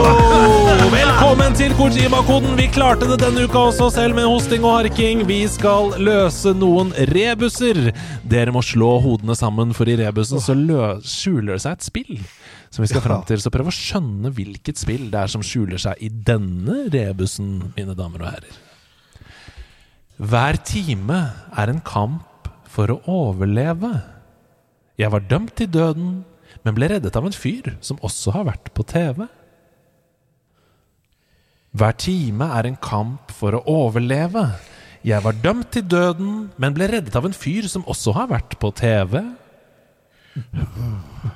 Ok, hva har vi her? Ikke? Det virker som et indiespill. En fyr som har vært på TV. Du var dømt til døden. Er det, er det liksom literally noen som har vært på TV? Eller? Ja, eller i, verre- i, i I spillverdenen, spill. kanskje. Nei, jeg er dømt til døden. Uh, har time Ja! Det er det? på TV. Nei. Nå så du så utrolig sikker ut. Jeg var så sikker, fordi jeg tenkte Cyberpunk med en gang. Men så var du dømt til døden der. Jeg husker ikke, jeg var så sint på spillet hele tiden. Og så tenkte jeg Keanu Reeves. Liksom. Kan, kan jo prøve. Ja, men Jeg tror ikke det er det, men det er kanskje det beste vi har. Da. Sånn at ikke det driver kan Ja. Hva tenker du, Oda? Hva var din første innskytelse? Uh, forvirring.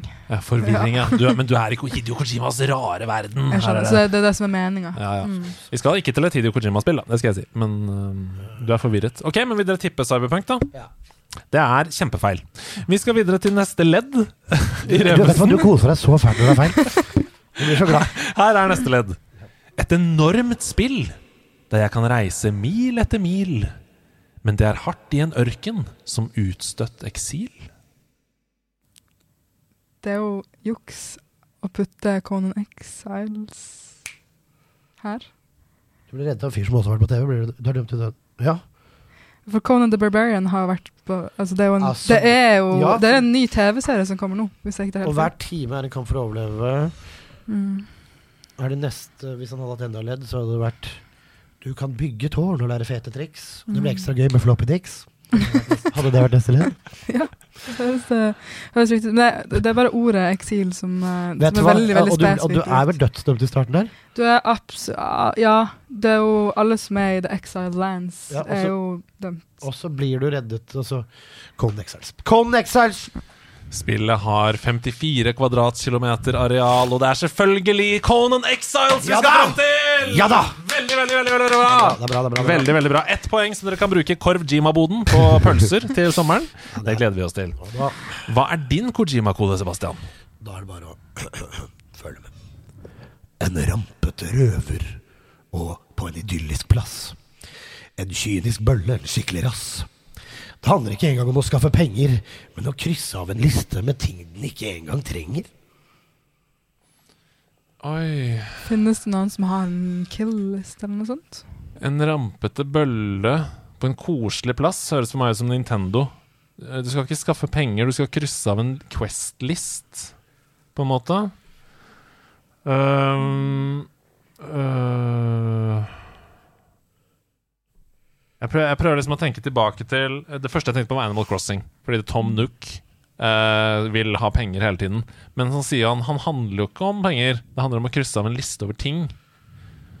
Men OK, nå må vi jo nesten dra det her tilbake til, eh, til min start. Ja. Kan det være Pokémon?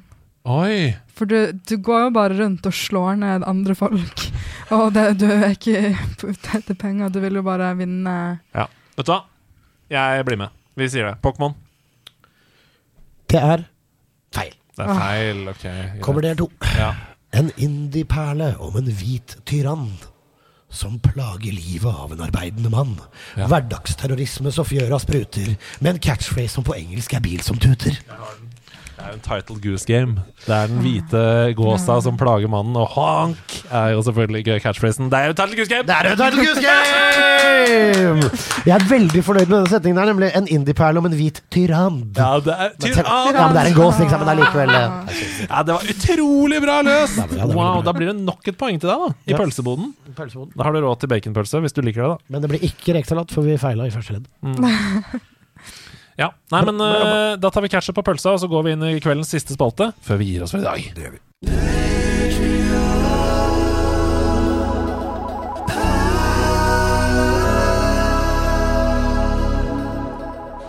Det er Patrion-perler, og det skal jo egentlig være i den siste episoden der vi har tre programledere, men det var forrige uke, og da var jeg eh, i fengsel. Eh, så jeg, det var ikke noe Patrion-perler. Jeg glemte til og med å informere om det, at det skulle være i den episoden, så eh, jeg beklager til dere, Stian, Ida og Hasse. Det var min feil, det var ikke deres. Men det er utrolig. Jeg har eh, laget Patrion-perler denne uka, og det virker jo som en slags utømmelig kilde til inspirasjon, denne Patrion-gjengen.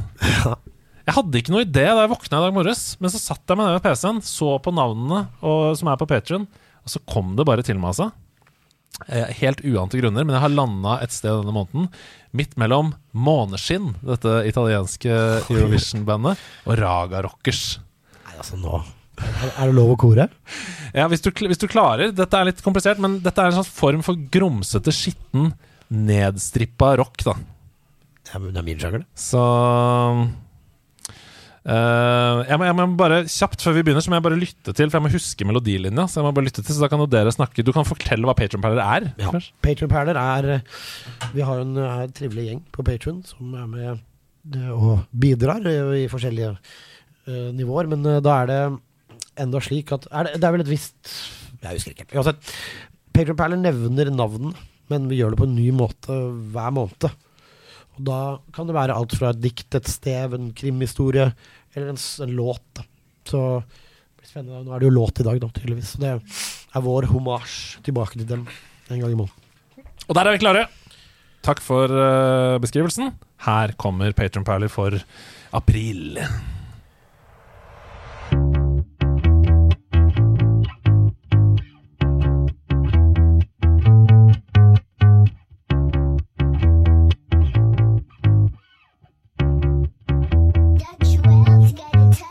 Meg bang for buck. Bukong tar sjansen og gir alltid nok. Fileta hansken opp. Frank Lindestad har ikke tenkt å stoppe. To ør gir fredag tid, så hun kan straffe Hege Naimi. For å gi Monkey fri, så Lucifer lot det hele gli. Analoge bryter sammen digital Og Cheese McDoodles har gjort Martin Lone Nurlanga Da er det dressingen til Geshin som gjør Christian Tom. Og hva i Giliagne rykker på sin Patreon Full tank inn i natten. Marcoolio Forbrytelse er nytelse Så la det gå. Det er tøft å være farlig på en fredag kveld Og er du spiller på det laget blir det aldri smell. Det lukter fishy her Ole Bohem har ikke skifta klær. Geir Håkon ut på tur. I Ole Sudmanns terrordiktatur For det Kabalen Olsen Sveen er i første tropp. Herman har nok av Mats Fordi Lars Granes myk har minste sats. Så når kvelden sakte sluker Karoline Mys Og Magnus Lagertas satt Martin i en evig frys Da Simon satt inn Sondre med en fengselsdom Og Rune Knustad angrer ikke på sin Patreon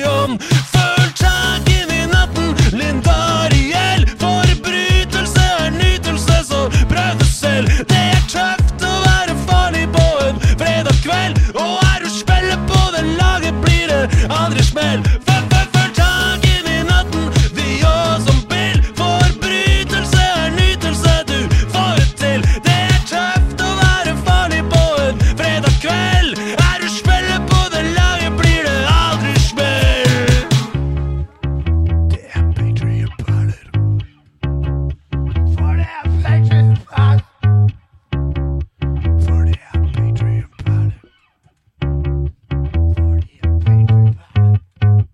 Deilig å skrike litt. Det er så rått, vet du! For, altså, det er umulig å ikke være med og skrike Patriot-perler der. Dette her er sånn som rockepunken var ment å være. Ja, jeg skal legge på litt sånn distortion på stemmen, og sånn, så blir det enda tøffere. da, vet du. Det blir så tøft. Ja. Åssen har du hatt det, Oda? Du, overraskende eh, kult. Overraskende kult. Var veldig negativt innstilt. Du... Jeg, jeg synes det med intervjuer og sånt er litt skummelt. ja. Men du har gjort en kjempejobb. Det, vi glemte jo helt å snakke om UP3. Dette talentprogrammet som du er en del av. Stemmer. Det er jo helt, det er det, er derfor du er så oppe i dagen om dagen. Du er jo en av veldig få spydspisser som er valgt ut til det. Det må jo være fantastisk. Ja, det er veldig kult. Vi er jo åtte til sammen, Ja. Så alle sammen er i, eller håper å veldig snart være i, ledende stillinger i spillindustrien her i Norge. Det er helt nydelig. Mm. Og det er i ref likestilling som vi snakket om i stad, utrolig viktig. Eh, spillbransjen er en mannsdominert bransje, spesielt på ledernivå. Eh, så det er kjempegøy. Kan du bare kort liksom si litt om hva det går ut på? Hva er det dere skal gjøre? Altså, vi er jo åtte utvalgte som er der for å bli bygd opp, rett og slett. Det er et coachingprogram, et mentoringprogram, eh, hvor vi får både personlig utvikling og faglig utvikling. Og så møtes vi sammen for å gjøre workshops og for å hjelpe hverandre med problemstillinger som vi har. da. Har du bare ramla inn i dette også? Jeg søkte. Ja, er bra. Ramlingen er over. Tusen hjertelig takk for at dere har hørt på. Fantastisk å ha besøk av deg, Oda. Eh, veldig, for at jeg inspirerende, veldig inspirerende å høre på. Vi kommer til å se mer av deg framover, det er jeg sikker på. Eh, nå har vi UP3 også, som skal døtte deg opp i lederstilling, selvfølgelig. Og du er jo på vei, da! Du sitter jo der og styrer med karakterutvikling. Eh, Når får, vi- kan du si noe om når vi får se noe mer av Dune Awakening? Vet du noe om Bare sånn ish du, Altså, Hvis du ikke kan, så kan du ikke, men Jeg kan avsløre at uh, den nye Dune-filmen kommer senere i år. Ok, og så kan du kanskje gi oss noen screenshots, kanskje. Nei? Altså det, det ligger uh, på Dune Awakening sin Steam-page. Så ligger det allerede litt. Så det er mulig å gå dit og se. Jeg gleder meg. Jeg gleder meg. Tusen takk for at du hørte på. Gå inn på Patrion og støtt oss der. Uh, bli en spiller på laget på Discord. Følg oss på Instagram, TikTok, Twitter, Facebook. Uansett hvor det er. Hør på søndagskvist med Hasse og Toffe. Kom på Tears of the Kingdom-event her på House of Nerds. Vær med på quizen i morgen. Vær på Ida sin konsert. Da får du mer av den rocken du nettopp hørte. Typ på Det er litt bedre, faktisk. Kanskje, kanskje litt bedre kvalitet. Før dag! Eh. Merch. Eh, Merch kan du også skaffe på nederlandslaget.no. Der kommer det anmeldelse av Tesla Grad 2 og masse andre ting etter hvert som tiden går. Og så følg med, da, dere, klokken 15.00 i morgen. Altså onsdag denne uken, 15.00. Jeg kan ikke si noe mer om det. Følg med onsdag 15.00. Og med de ordene så sier jeg tusen hjertelig takk for at du hørte på Nerdelandslaget. Denne podkasten om nerding og landslaget. Si ha det, da. Oda. Ha det bra.